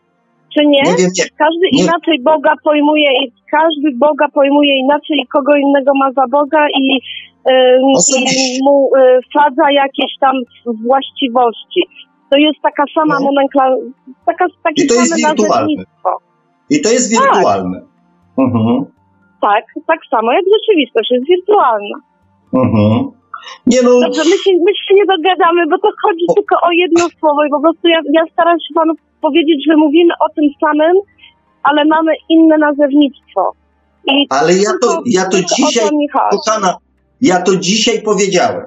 Ja to dzisiaj powiedziałem, że tu nie chodzi o sens. Tu nie chodzi o sens, to właśnie chodzi o to, żeby nie rozprzestrzeniać rzeczy, tylko nazywać je jakby konkretnie. Bo ja na przykład wiem, że rozmawiając ze swoimi znajomymi, jeżeli powiem im, ludźmi, którzy nie mają zielonego pojęcia o rozwoju osobistym, o, yy, o, o sprawach duchowych, o świadomości, nie interesują się tym z różnych powodów, tak? Jeżeli ja im powiem, że rzeczywistość jest wirtualna, to jaką informację ja im przekażę? Jaką informację ja im przekażę? Jeżeli to będzie człowiek, no to który, nie wiem, gry, gry komputerowe, to powie, że rzeczywistość, że, że, że ja mu próbuję wmówić, że rzeczywistość jest przez, wymyślona przez kogoś innego. I zaczynają się zabawy, a to może Bóg wymyślił, a może to Matrix, a może to coś tam. Zaczynają się kombinacje, zamiast jasno i precyzyjnie określić, że nasza rzeczywistość jest wynikiem tylko i wyłącznie naszego patrzenia na na to, co nas otacza, na sytuację. I one wynikają z dwóch rzeczy: z podświadomości i ze świadomości, która wynika według mnie z, z, z doświadczeń duszy. I tyle. I chodzi mi o to, że ta rzeczywistość jest subiektywna. Jest wynikiem tylko i wyłącznie. Tak nazywa, dla mnie jest to jednoznaczne. No i, no i na tym może zakażmy, bo, bo, bo no ja rozumiem Pana punkt widzenia, natomiast nie rozumiem tego, że, że pan się denerwuje z tego powodu, że ktoś nie, nie, ja po prostu, no, ja ro, ro, do rozumiem, mnie to przemówiło, tak, no. Ja rozumiem, ja tam się nie denerwuję, broń Boże, kochana. Bardziej mi chodzi o to, że wirtualna, nawet jeżeli ona jest wirtualna, rzeczywistość wirtualna stworzona na przykład przez programistów komputerowych jest wirtualna, bo jest nierzeczywista, jak sama nazwa wskazuje. Wirtualna, czyli nierzeczywista. Ale jednocześnie ta rzeczywistość wirtualna jest dla wszystkich, którzy ją obserwują, taka sama. Rozumie pani? No, że jeżeli. Nie, właśnie nie wszyscy... jest taka sama. Rzeczywistość Nie, jest, no wirtualna jeżeli- nie jest taka sama. w rzeczywistości, no więc właśnie w rzeczywistości wirtualnej, tej właściwej rzeczywistości wirtualnej, o którym pojęciu rozmawiamy, nie rozmawiamy o pojęciu Toma Campbella. Tom Campbell nie wymyślił pojęcia rzeczywistość wirtualna. On je wykorzystał i przejął ją, przejął to określenie, nie, znaczy nie wiem, ale zakładam, że jeżeli ludzie to robią, to przyjmują określenia, które już funkcjonują. Rzeczywistość wirtualna została stworzona do określenia, znaczy rzeczywistość, określenie rzeczywistości wirtualnej zostało stworzone na potrzeby e, jakby komputerów i zostało tylko przejęte przez, przez powiedzmy ludzi zajmujących się ludzi zajmujących się powiedzmy tematyką duchową. Natomiast w rzeczywistości tej prawdziwej, właściwej, wirtualnej, w tej stworzonej przez komputerowców, jeżeli oni stworzą zamek, to w tej rzeczywistości wirtualnej ten zamek będzie nieprawdziwy, ale wszyscy, którzy go będą oglądali, będą widzieli ten zamek. Więc, y, więc w tej rzeczywistości wirtualnej wszystko jest takie samo. Dlatego nasza rzeczywistość jest osobista, jest subiektywna. I jeżeli już, to jest interaktywna. Takie jest moje zdanie. To jest pana zdanie. Ja, ja nadal będę, nadal będę podtrzymywać, że rzeczywistość jest Nie, no, wirtualna i nie no. znaczy to, że i nie znaczy to, że stworzyła ją trzecia osoba, tylko znaczy to, że każda jednostka na Ziemi tworzy tą rzeczywistość na swój własny sposób i dlatego jest ona wirtualna. E, To Nie, no, dobrze, to już Okej, okej, no, jasne. Cieszę się, że, że, że tak powiem, e, zdecydowała się Pani na telefon. Bardzo fajnie. E, nie wiem, e, że, że tak powiem, e, kto. mm, która teoria będzie miała większą ilość zwolenników. Natomiast e, jedno się cieszę, z jednego się cieszę, że rozmawiamy o tym samym, tak? I też się no, cieszę, że, porozmawiamy że, dokładnie, tak.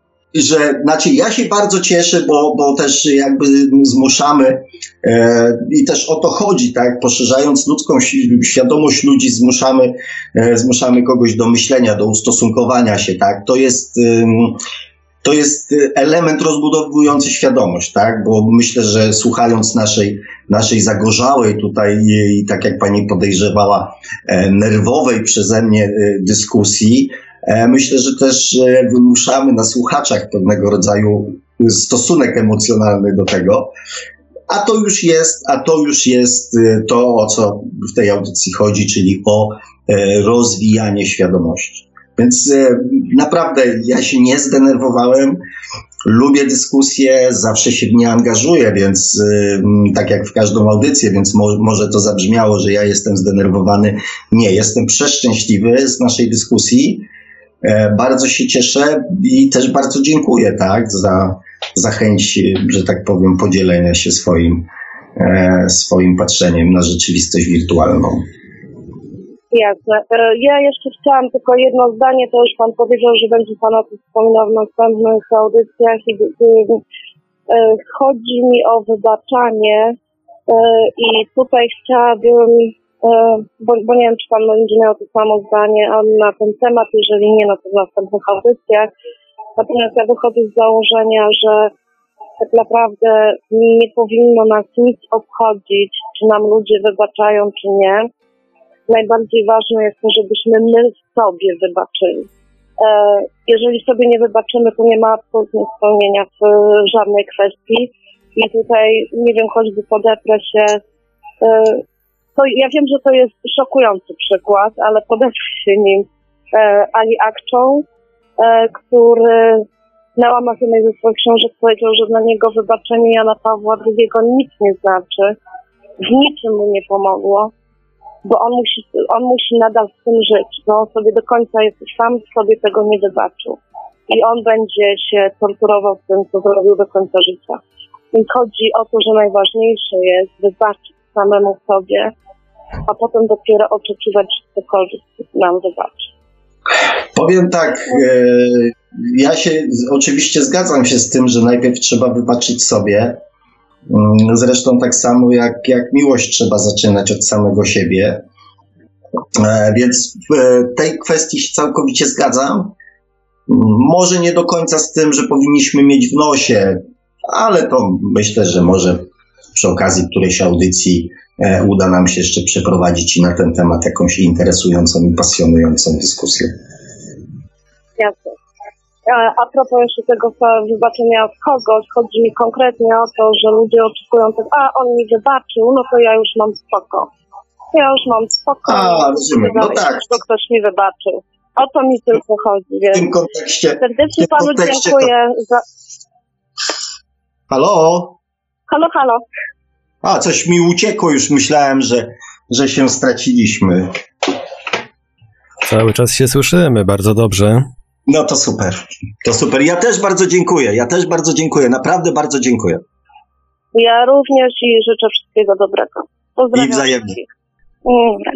Dziękujemy bardzo za telefon. To jeszcze dla słuchaczki informacje, pewnie się ucieszy. E, Właśnie na stronie Radia Paranormalium w trakcie audycji ukazał się w wersji tekstowej wywiad, który parę tygodni temu leciał na naszej antenie.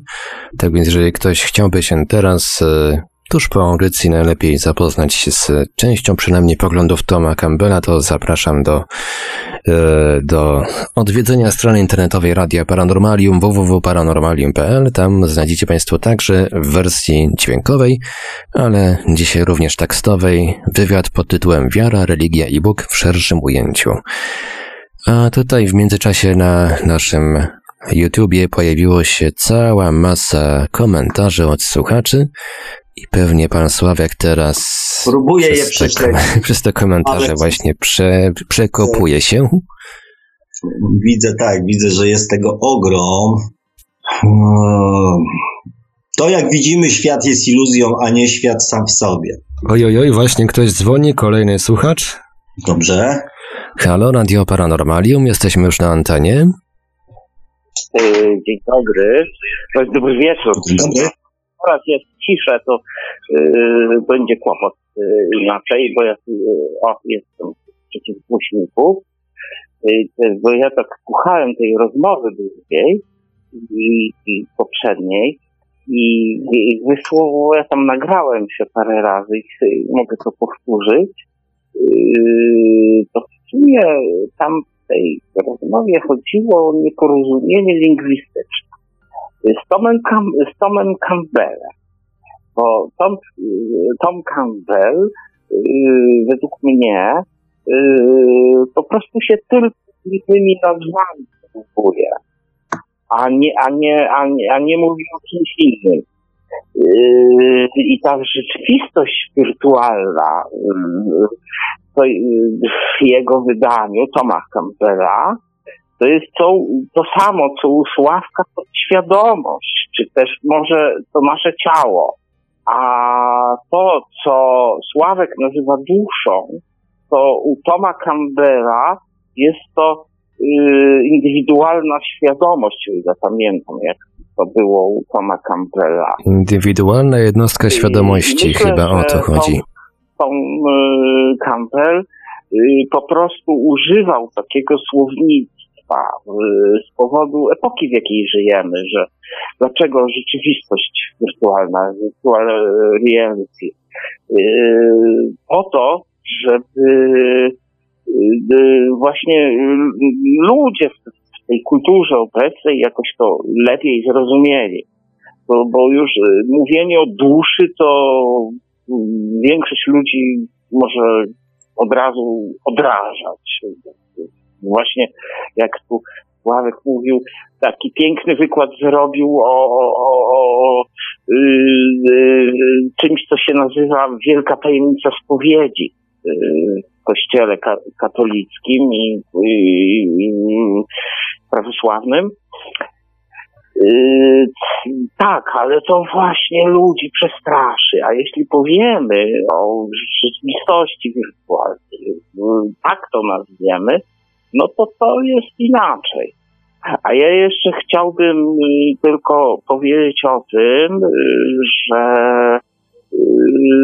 to, to wszystko faj, fajnym jakby nawiązaniem, jeszcze innym do tego, że wspomnę takiego uczonego, przepraszam za wyrażenie, jakiego użyję, ale muszę, pewnego uczonego sowieckiego, Y, to jest kandydat nauk y, Aleksander Woźny, y, który publikuje na YouTubie bardzo ciekawe teorie. To jest człowiek, który pracował w sumie przy projektach sowieckiej broni jądrowej. I on jest roku urodzenia chyba 51, starszy ode mnie. No i on poznał tych akademików. Akademik to jest u, u, Rosji odpowiednik profesora. Był uczniem sławnych akademików właśnie, z fizykiem jądrowym i ma swoją teorię konstrukcji wszechświata. I to wszystko pasuje. Ja się staram, żeby wszystko dopasowywać do siebie, a nie kłócić się, że ktoś nazywa nie tak albo tak. Trzeba zrozumieć jeden człowiek drugiego i wtedy do czegoś dojdziemy. Szukać, co ja powiem z dyplomacji, płaszczyzn porozumienia. Yy, czym się zgadzamy? Tam w tej rozmowie poprzedniej coś takiego było i ja właściwie to chciałem. Ja w ogóle na imię mam Wojtek, kolejarz, mamy i już z Sławkiem się troszkę tak znamy z, z, z Facebooka i trochę, mówiłem o kolei tydzień temu. Tu, pamiętam, pamiętam, to się poznaje. Nie będę o sobie za dużo, tyle powiedziałem. Nie wiem, chyba wszystko do, do dzisiejszej audycji i transformacji duszy, tak, tak, tak, e, duszy, e, podświadomości. Właśnie, żebyśmy to, widzieli to inaczej, bo, bo są różne przestrzenie istnienia materii. Czy to jest rzeczywistość wirtualna? No, cały wszechświat jest w jakimś sensie rzeczywistością wirtualną i może na, na, na jakichś tam są inne poziomy po prostu. Y, ten y, kandydat nauk Aleksander Woź na bazie tablicy Mendelejewa o, o super ciężkich pierwiastkach zwanej oazy stabilności, które są pomiędzy numerem 145 a tam 159 bodajże i tak dalej. No można się z tym zgadzać lub nie. No, studiowałem troszkę fizykę. W sumie on mówi tak do sensu, no. To, może to prawda, może nie. To ja może tyle. Nie wiem. Dziękujemy. Dziękujemy Ci Wojtku, bardzo mi się podobała, że tak powiem, jedna, jedna wypowiedź, że szukajmy, szukajmy tego, co nas łączy, nie tego, co nas dzieli. E, I to może będzie chyba najlepsze podsumowanie, e, podsumowanie tej, tej, tej, tej, tego telefonu. Dziękuję ci, dziękuję ci bardzo. Miło było, miło było Cię znowu usłyszeć, także mam nadzieję, że, że, że, że, że znowu będziesz uczestniczył gdzieś tam w następnych audycjach, w naszych rozmowach i dyskusjach. Dziękuję Ci bardzo serdecznie. Dobrej nocy. Halo, halo? Halo, halo? No, coś tam chyba słuchacz umilkł, mimo że połączenie cały czas jest aktywne. No, ale myślę, może się, może się zapomniałem. Również dobranoc, bardzo dziękuję. A, dobrze, dziękujemy, dobrej nocy. Ja tylko podziękować. No, że dobrze. Ja tutaj tak podsumuję w takim razie i, telefon Wojtka, i telefon Just Me, i tutaj też y, tele, y, jakieś komentarze, do których się dogrzebałem. Myślę, że ja sobie nie zdawałem z tego sprawy, przyznam wam się szczerze, e, że jest y, wśród słuchaczy tej audycji jest wielu słuchaczy, którzy zapoznali się właśnie z poglądami Toma Campbella i na tej płaszczyźnie, na tej płaszczyźnie faktycznie powstaje sporo nieporozumień. Bo tak jak y, i w rozmowie z Just Me, i tutaj teraz z Wojtkiem, i gdzieś tam na, podczas tych komentarzy, tak naprawdę oprócz nazewnictwa mówimy o tych samych rzeczach. I być może tu też się pojawił taki komentarz atmosfery. Według mnie coś takiego jak transformacja podświadomości nie istnieje.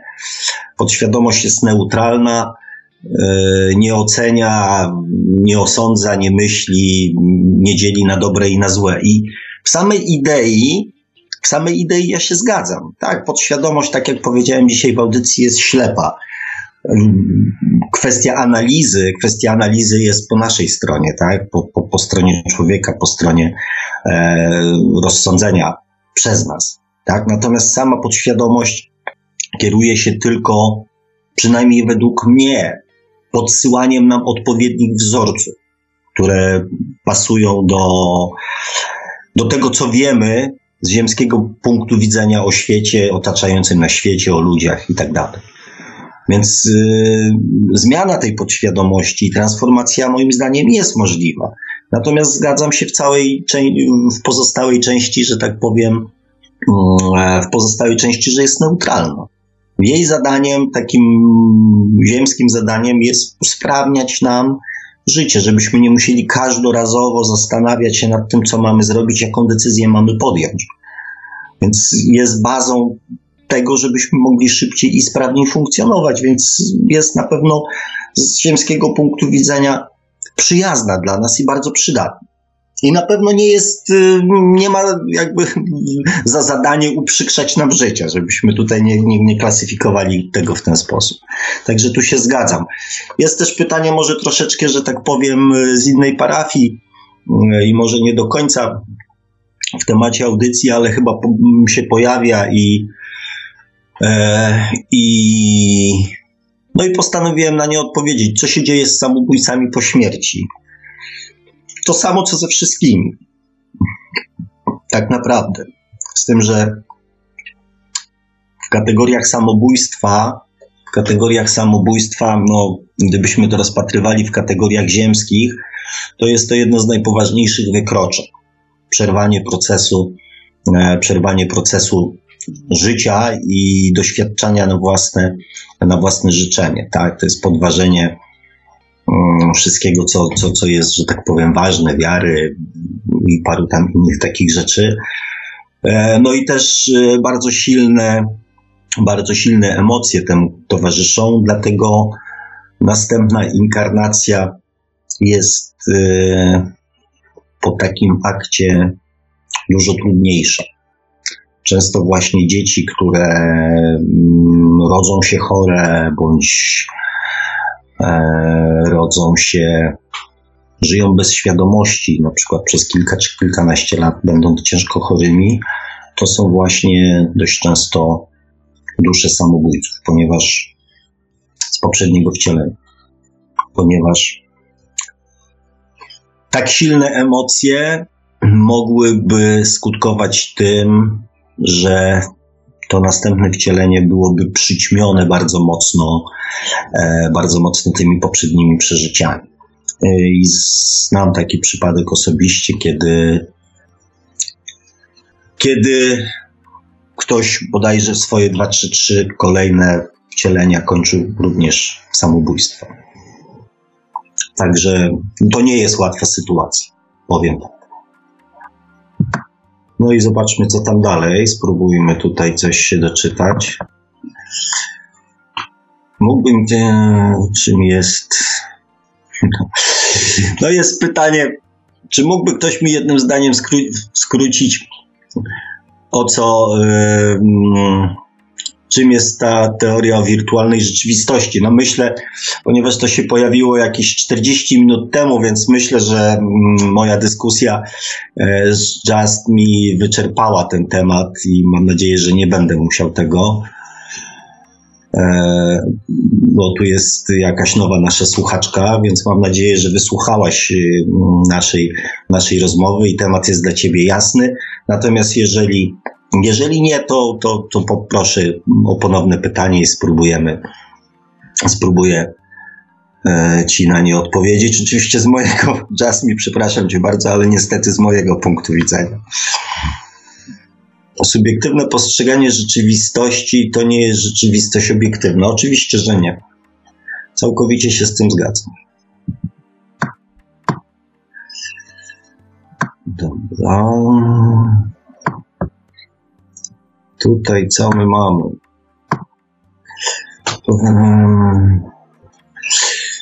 Tutaj coś mam, taki komentarz, ale nie wiem jak się do niego odnieść, ale przeczytam. Świadomy sen, świadomy sen i obe, ale niezwyczajnie można zmienić prawo fizyki, magia. Filmy podpowiadają, może być tak jak w filmach, może być w rzeczywistości. Ludzie, którzy tworzą filmy fantastyczne, wiedzą, że w to nikt nie uwierzy. No właśnie. No właśnie, i to jest, to jest właśnie też coś, co się i we mnie kłóci, tak? Że jeżeli coś jest wirtualne, to jest wymyślone, ale i tak wszyscy wiedzą, że to jest wirtualne i wymyślone. A tymczasem mamy na antenie kolejnego słuchacza, Radio Paranormalium. Jesteśmy już na antenie. Halo, halo? Halo. Halo, halo. Dobry wieczór. Dobry wieczór, prosimy słuchać tylko w telef... Oj, wyłączył się. Jak to? O, ale podejrzewam, że za chwilę y, nasz słuchacz podejmie próbę. No tu jest też, y, że tak powiem, y, ciekawy, ciekawy wpis. Może to nie, no tak troszeczkę popierający, że tak powiem, moje, moje zdanie na temat tej rzeczywistości wirtualnej. E, Jest takie pytanie, a ta pani potrafi samą rzeczywistość zmienić? I jest takie zapytanie, że to dość ciekawe. Niech zmieni prawa fizyki, niech odwróci grawitację z uśmieszkiem. Podstawy rzeczywistości są niezmienne i nie mamy na to najmniejszego wpływu. Dobra. No ale jest też komentarz na nie, że prawa fizyki można naginać i łamać, czyli jakiś tam wpływ na nie mamy. No na niektóre na pewno.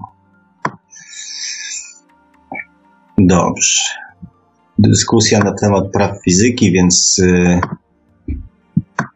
więc na razie nie będę się do tego, że tak powiem, odnosił, bo dość ciekawie tutaj i obiecuję, że sobie yy, przeczytam tą dyskusję na spokojnie. No dobrze, to ja pozwolę sobie jeszcze na temat, yy, na temat, co prawda, nie taki był zamysł tej audycji, bo mieliśmy, e, chciałem e, powiedzieć o transformacji podświadomości, a tutaj największa dyskusja dotyczy wirtualności mm, naszego świata. Może i dobrze, bo jakby to jest y, wasza audycja, e, więc decydujecie o tym, o czym będziemy rozmawiali. Więc y, pojawił się kolejny komentarz.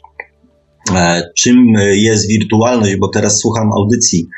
Rzeczywistość wirtualna nie istnieje, bo to nie jest realność. Nie idzie jej dotknąć, nie można w niej być realnie.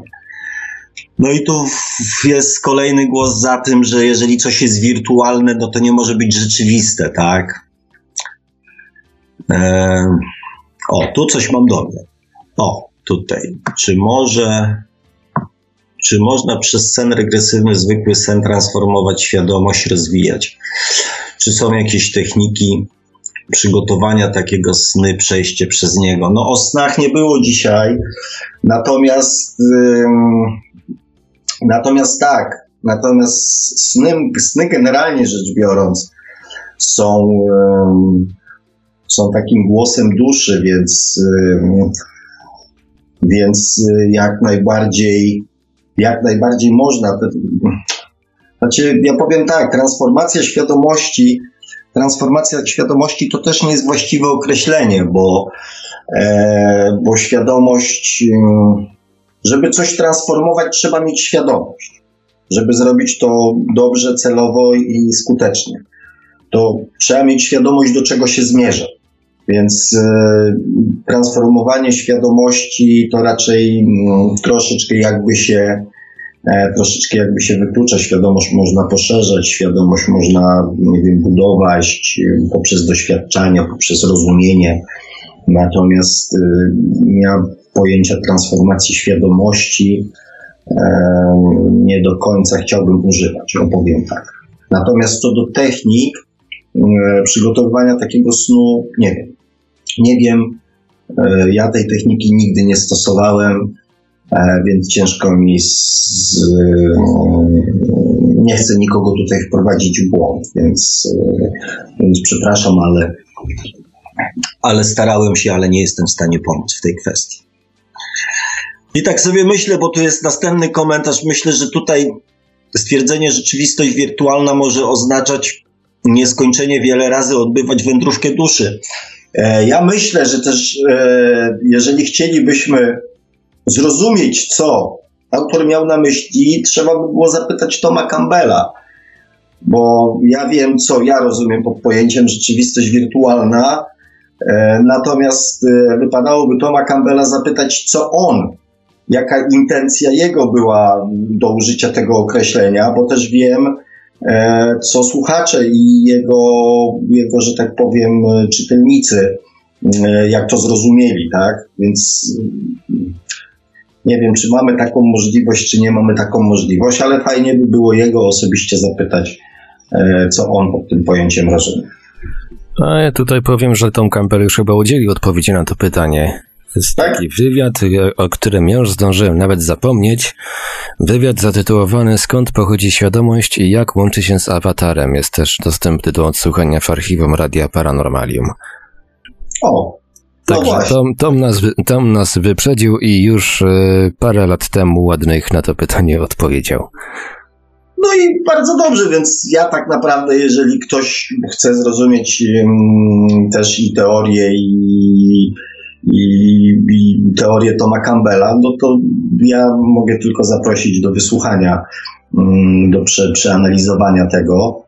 Mm, ja swoje zdanie, na swoje zdanie na temat wirtualności rzeczywistości przedstawiłem. E, jeżeli ktoś kiedyś będzie chciał e, się z nim zapoznać, to przypomnę, że będzie w ósmym odcinku naszej audycji. Jakby się kiedyś pojawiło w archiwum, to, to można szukać w ósmym odcinku audycji. No ja swojego zdania na tą chwilę, na tą chwilę Mm, też nie zamierzam zmieniać, bo nie mam takich podstaw ani nie mam takich doświadczeń. E, I też nie będę przekonywał Toma Campbella, że on powinien zmienić i dostosować to do moich. Jest demokracja. Jeżeli komuś bliższe jest określenie wirtualnej rzeczywistości, e, niech, że tak powiem, e, niech, niech, niech sobie tak to w ten sposób, że tak powiem, tłumaczy. O, i tyle. Zakoń, za, zakończę temat wirtualnej rzeczywistości. E, bo, no bo tak, bo już chyba dość dużo zostało na ten temat e, powiedziane i wystarczy.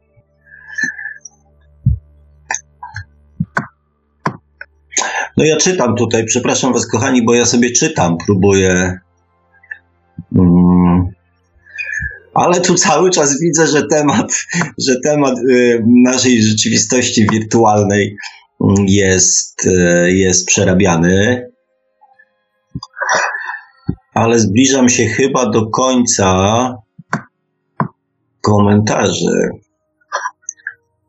Tak. Ciekawe, ale tu, e, tu się pojawiło, jeśli dusza podejmuje taką decyzję, to jej wybór. Gdyż uznaje, że za tego życia nie zrealizuje swojego planu lepiej wcześniej niż późno. No to chyba dotyczy jeszcze e, to, mm, to chyba dotyczy jeszcze tego, tej mojej odpowiedzi o samobójcach. Natomiast no niestety to nie do końca tak moim zdaniem wygląda, że to dusza podejmuje, że to dusza podejmuje decyzję, że nie zrealizuje swojego planu, więc lepiej późno niż wcale. Planem duszy jest doświadczanie. Przerwanie życia zakańcza ten etap, że tak powiem, doświadczania. A poza tym, z tego co ja wiem, to scenariuszy, dusza nie ma jednego scenariusza na życie. Że ma jeden plan, bo to było troszeczkę takie marionetkowe że ten plan i tylko tego planu się trzyma, jeżeli go nie zrealizuje, to, to, to, to, to, to kończy, mm, kończy żywot, tak? To nie jest tak. Ja, każda, każda, że tak powiem, nasza decyzja nie jest z góry przewidziana przez e, duszę. Dusza ma świadomość tego, że posiadamy wolną wolę i będzie powtarzać jakby doświadczenie mm, aż do skutku. Natomiast y, też nie ma możliwości, e, też nie ma możliwości przerwania, przerwania życia.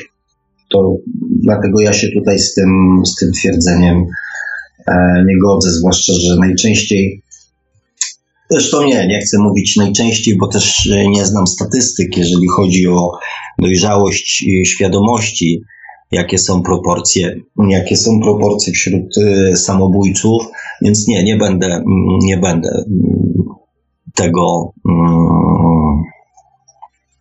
tego wątku rozwijał. Ciekawe, czy kiedyś uda się przenieść świadomość z jednego ciała do drugiego. Znaczy, tak się dzieje. W procesie, w procesie e, reinkarnacyjnym tak się właśnie odbywa, że z jednego ciała przechodzi, e, przechodzi świadomość, czyli dusza, a raczej świadomość, czyli wynik doświadczeń duszy przechodzi, e, przechodzi na następnego człowieka w następnym wcieleniu, bo to nie jest to samo ciało, tylko inne. Ale podejrzewam, że to nie o to, ale podejrzewam, że to nie o to chodziło.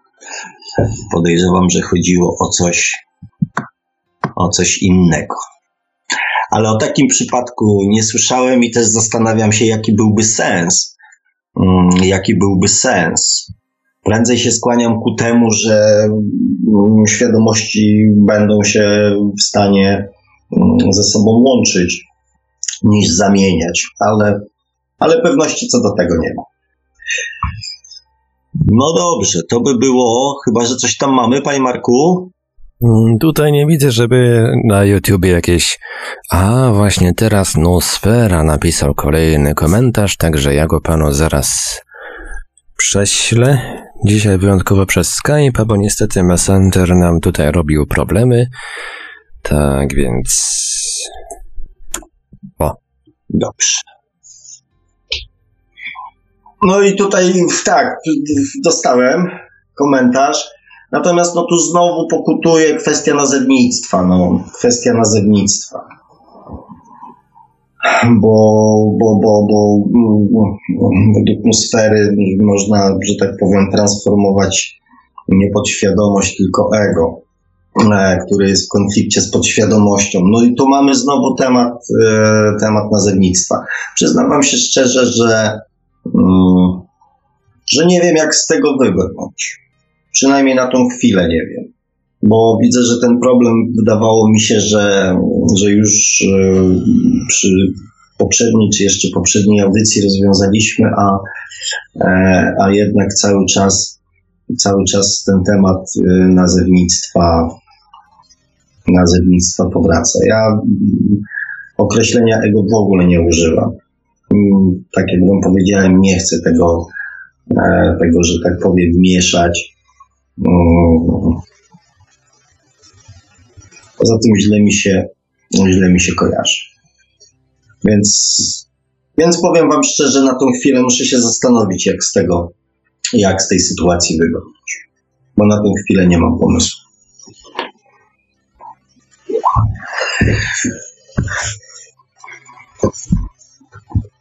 No i co? I dzisiaj byśmy mieli na tyle? No to wygląda, że chyba tak. No, no, właśnie tutaj teraz posypały się znowu komentarze właśnie teraz, właśnie w tym punkcie czasu i przestrzeni, dlatego muszę odsiąść te, które nie odnoszą się do audycji. Um, jakieś powitania, jakieś hej, hej, hej, jakieś nie wiadomo co. Sekundkę. Powitania są miłe. O. I właśnie powędrowały do pana Sławka na Skype'ie, także pan Sławek teraz się z nimi zapoznaje to próbuję. Dzisiaj jakiś w ogóle jest awaryjny dzień, bo mój laptop coś fiksuje. Jeżeli bym się niechcący wyłączył. O Jezu, ale przyleciałem. Dobra, gdzie? Tak. Po śmierci możemy podróżować. Po śmierci możemy podróżować w przeszłość.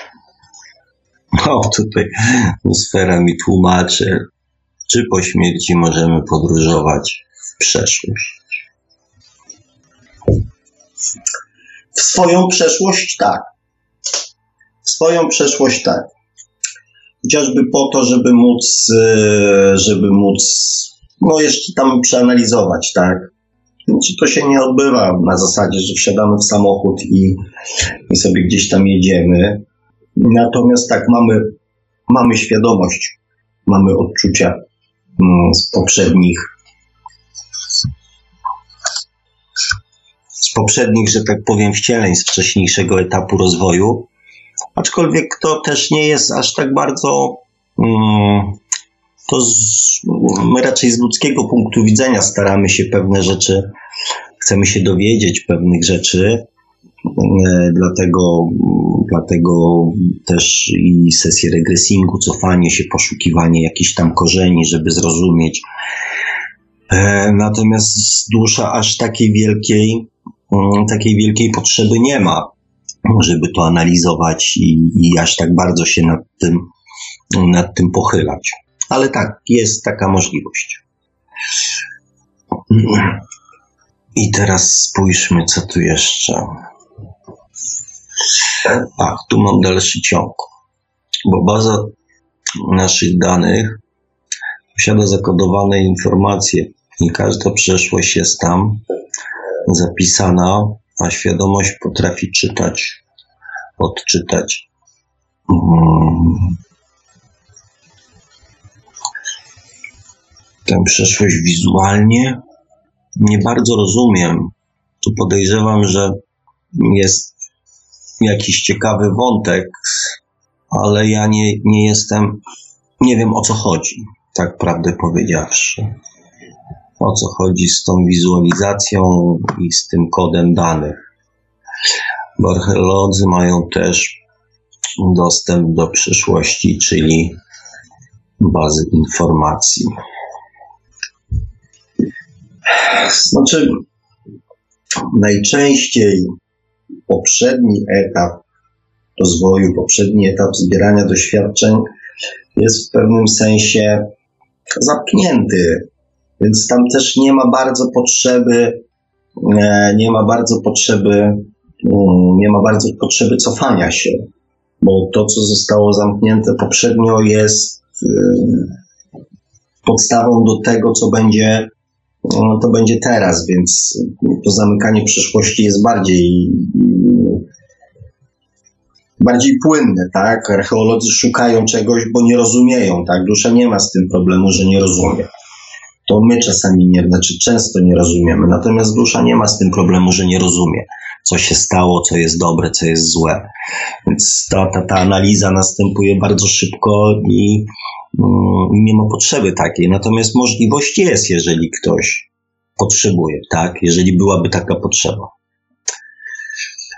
A co pan powie o ludziach, którzy bez namysłu biorą wszystko, co pan mówi za pewnik? Oto chyba nie transformacja, tylko bezmyślne powtarzanie. No i właśnie tego staram się tego staram się właśnie uniknąć i, i, i będę powtarzał prośbę, żebyście nie brali tego jako pewni.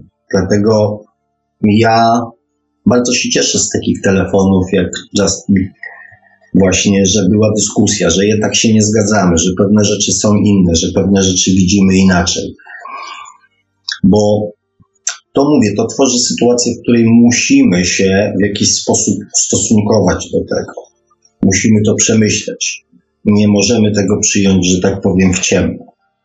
Nie mam na to wpływu, jak kto i co zrobi z informacjami, które, które przekazuję, które mówię. Przyznam Wam się szczerze, że ja zawsze przed audycją proszę o to, żeby, żebym się nie dał właśnie wciągnąć i mówił tylko prawdę. To jest moje największe, to jest największe moje pragnienie, żeby właśnie nie wprowadzać ludzi w błąd, nie mm, dawać im mylnego, mylnego obrazu i też nie manipulować, tak? Bo zła informacja, nieprawdziwa informacja jest formą pewnego rodzaju manipulacji drugim człowiekiem. Ja się od tego e, staram bardzo mocno odcinać i też nie jest w żaden sposób moim zadaniem nikim manipulować.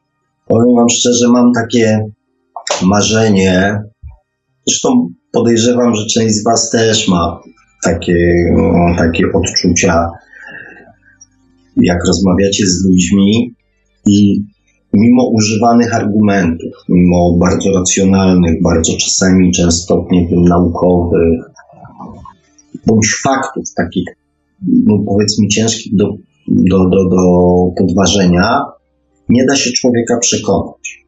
I wtedy ja to nazywam rozmową z jego podświadomością. Że to nie jest rozmowa z człowiekiem, który pozwoli dokończyć mi zdanie, przemyśli, przeanalizuje i udziela odpowiedzi, tylko już na samym początku mojej wypowiedzi wie, jaka będzie jego odpowiedź. Tak właśnie według mnie działa podświadomość, tak?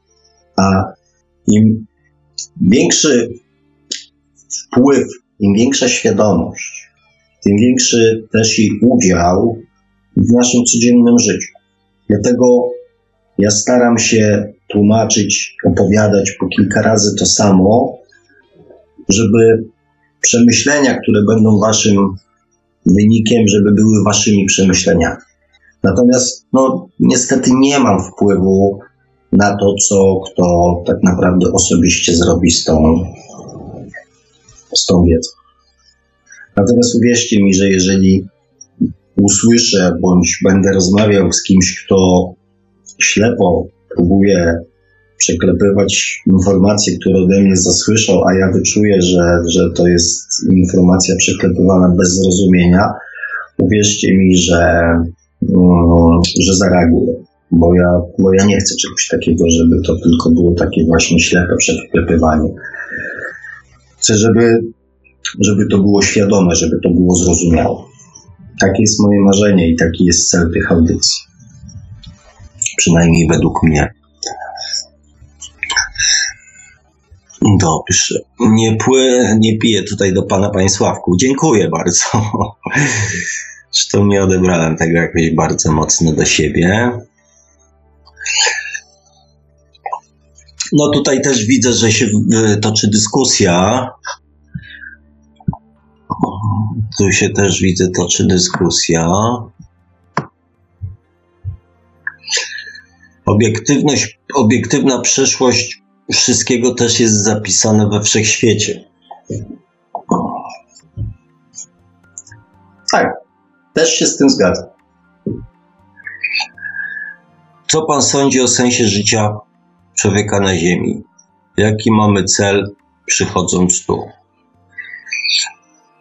No tutaj chyba nowy słuchacz nam się pojawił, bo ciężko mi będzie odpowiedzieć e, na to pytanie jednym zdaniem, czy nawet trzema, bo tak naprawdę o tym celu i o tym sens, w sensie przebywania tutaj na Ziemi e, prowadzimy dyskusję od samego początku, od ośmiu odcinków.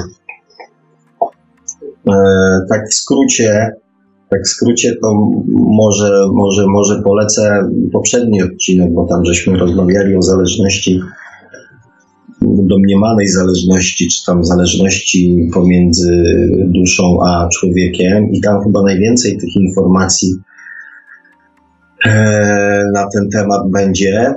Ja tak tylko w skrócie powiem, moim zdaniem właśnie celem człowieka jest doświadczanie sytuacji z różnych stron po to, byśmy dojrzeli do tego momentu, kiedy będziemy w stanie ten taki przysłowiowy raj zbudować tutaj na Ziemi.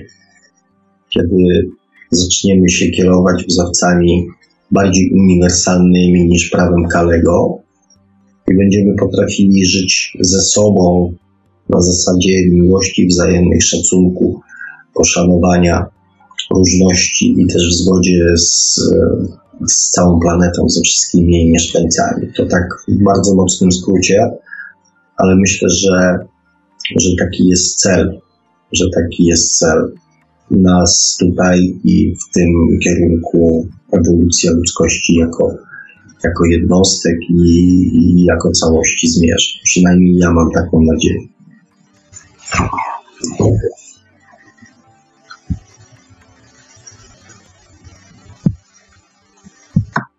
Widzę, że mam tutaj nowe coś.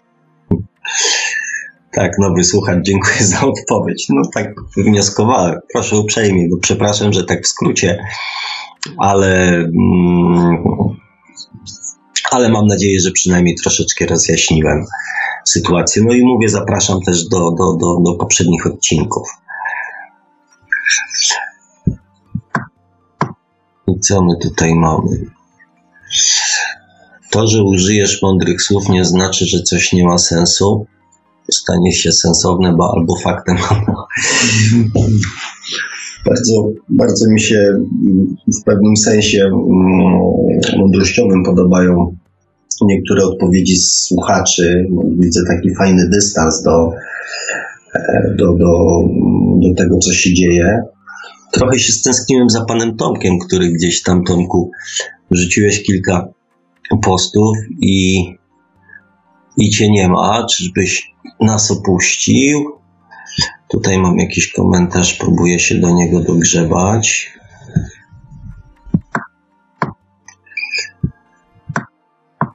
Mhm. Trochę ciekawej dyskusji na temat wielowymiarowości. No dobrze, ja chyba, że tak powiem, znowu Panie Marku wyczerpałem tutaj odpowiedzi, te, które gdzieś mi się wpisały w temat odcinka. A tutaj coś mam jeszcze. O, tutaj. Celem jest doświadczanie.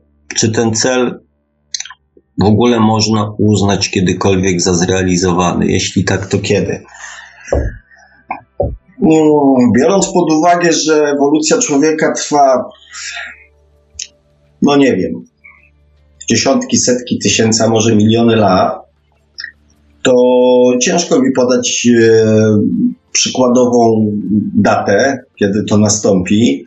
Natomiast e, patrząc, jak zmienia się, jak zmienia się świadomość ludzi w ciągu nawet ostatnich, nie wiem, dwóch, trzech, czterech tysięcy lat i w jakim kierunku idziemy, to mam nadzieję, że pierwsze efekty i też jeszcze jedno, i jak bardzo pewne procesy przyspieszyły. To mam nadzieję, że znaczy pierwsze efekty widać już, e, natomiast e, jeżeli to pójdzie w takim tempie, to myślę, że to może być nawet za kilka, kilkadziesiąt lat będzie widać już pierwsze, e, pierwsze efekty tego celu, ponieważ coraz więcej dusz dojrzałych zaczyna dochodzić do głosu na świecie. Więc nie tylko dusze młode, te żonne władzy przy tej władzy są, ale również jest e, coraz więcej dojrzałych dusz, które decydują o losach świata. A to by świadczyło o tym, że niechybnie wchodzimy właśnie na ten etap dojrzałości, a co z tym jest związane, to poczucie ogólnej sprawiedliwości. I też współczucie, czyli wszystkie te takie pozytywne e, emocje, które, wszystkie pozytywne cechy, które tak dobrze nam się kojarzą, tak? Więc e, ja jestem przekonany, że te, te efekty będzie widać już niedługo. Zresztą świadczy też o tym, e, w jakim tempie zmienia się na przykład rezonans Schumana. Następna rzecz, która gdzieś tam mnie o tym przekonuje, to to, że mm, odkryli naukowcy kolejne fale, że tak powiem, mózgowe, czyli pewne procesy nie tylko duchowe, ale również fizyczne, zaczyna być widać mm, w, w ludziach. Nie wiem, nie miałem okazji tego zbadać, nie mam też żadnych wyników badań, e, ale podobno już mózgi dzieci, które urodziły się w tym podwyższonym rezonansie Schumana, już funkcjonują podobno inaczej ponieważ no, ten rezonans się zmienia w ciągu kilkunastu lat, więc efekty tych zmian e, będzie w pierwszych dzieciach widać e, niebawem, więc być może to też e, w jakiś sposób będzie, będzie coś zupełnie, zupełnie nowego. Może po prostu te dzieci zupełnie inaczej będą postrzegały tą naszą wirtualną rzeczywistość. Myślę, że najbliższe lata pokażą, no, pokażą bardzo dużo nowych, nowych rzeczy. Więc zbrojmy się w cierpliwość i z nadzieją, i trochę też z radością. Ja przynajmniej z radością oczekuję tego, co się, mam nadzieję, niebawem wydarzy.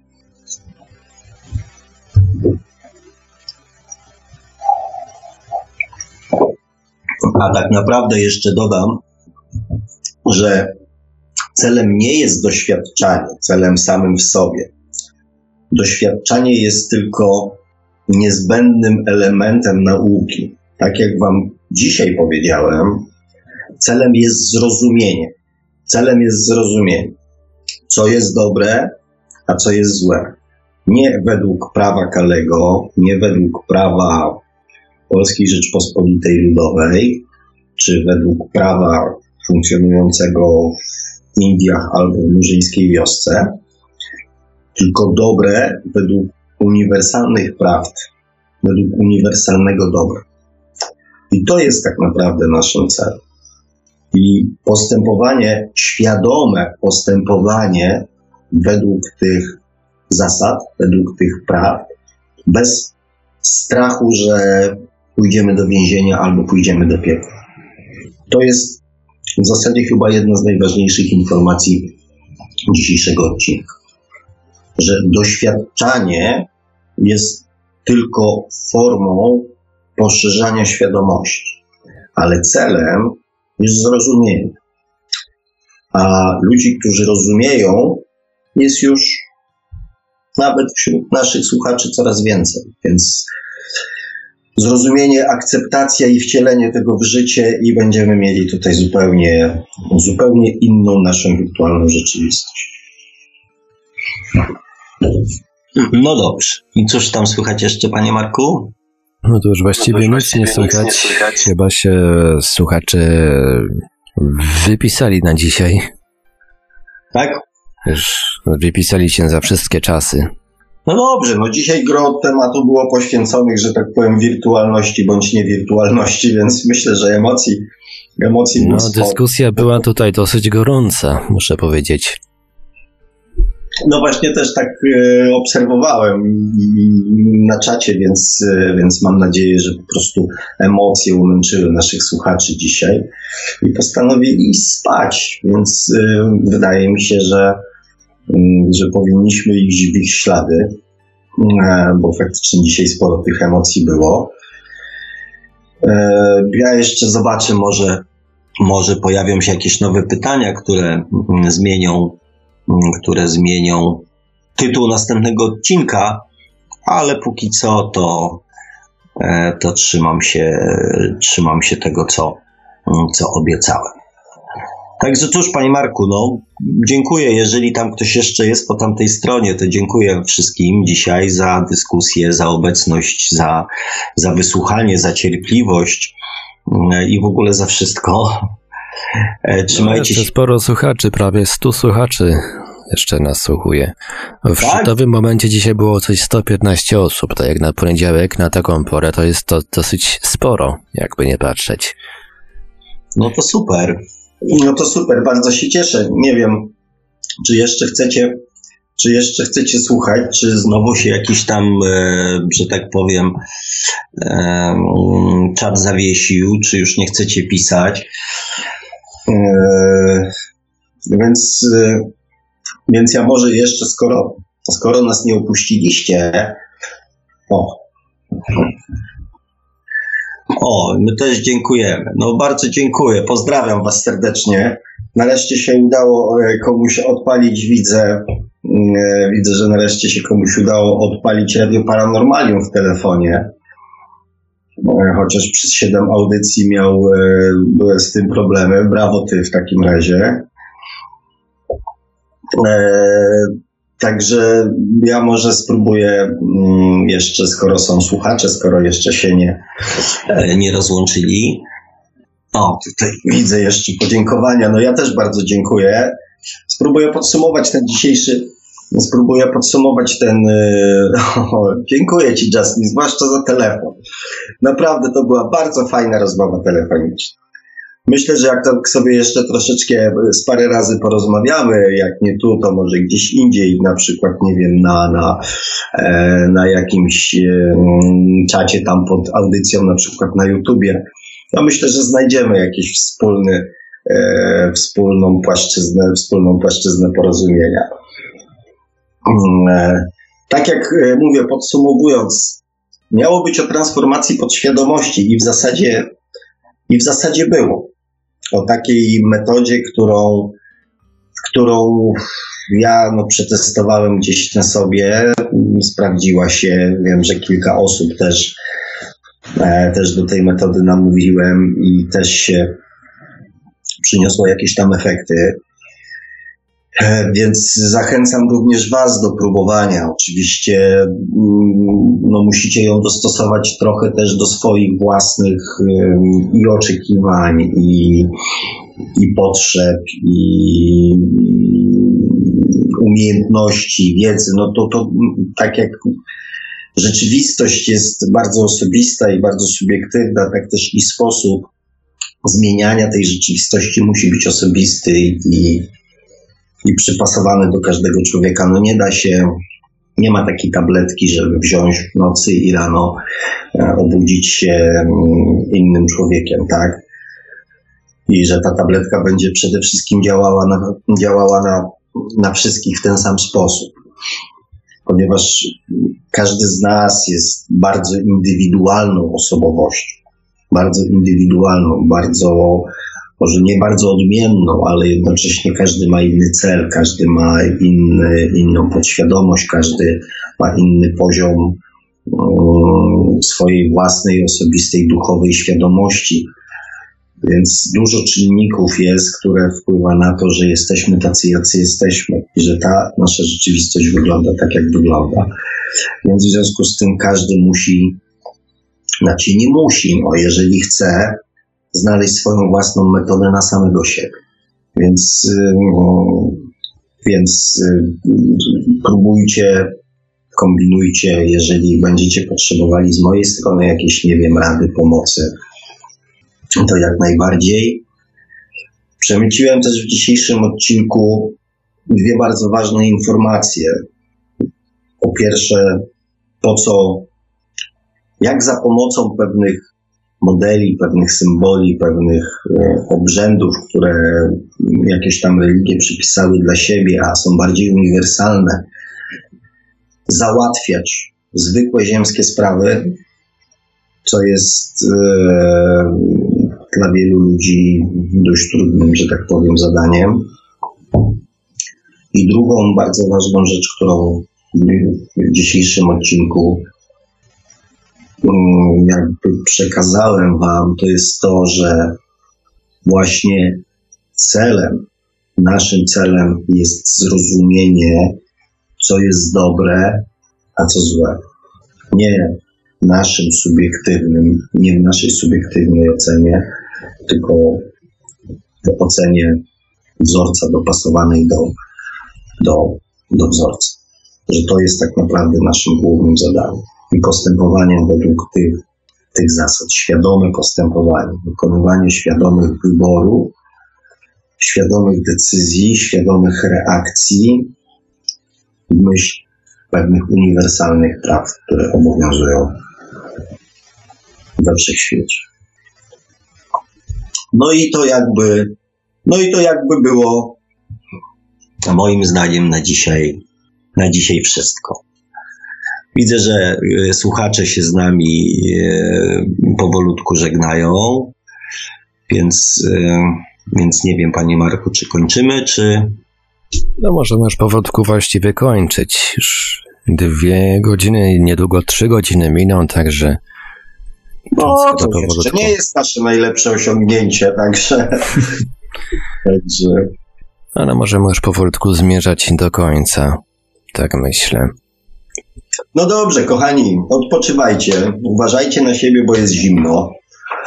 Zmieńcie opony i pamiętajcie, żebyście dotrwali do następnego odcinka cali i zdrowi, bo będzie o miłości. Będzie o miłości do samego siebie. E, jak e, nie wkręcę Was znowu w jakąś dyskusję na temat terminologii, to spróbujemy ten odcinek e, poświęcić naprawdę fajnym i przyjemnym rzeczom. Także uważajcie na siebie. Także kończymy powolutku kolejny odcinek audycji Świat oczami duszy. Audycję, jak zawsze, od strony technicznej obsługiwał Marek Sęki-Velios. Był z nami oczywiście gospodarz audycji, pan Sławek Bączkowski. Dziękuję jeszcze raz w imieniu wszystkich słuchaczy. Ja również dziękuję panie Marku za pomoc, za obsługę, za wsparcie. No i oczywiście wszystkim Wam, kochani, dziękuję za udział w tej, aktywny udział w tej, w tej dzisiejszej audycji. Trzymajcie się szczęśliwie, zdrowo, wszystkiego dobrego i do usłyszenia, albo do poklikania w międzyczasie gdzieś tam na czatach, a jak nie, to do usłyszenia w przyszłym tygodniu. Trzymajcie się, dobrej nocy.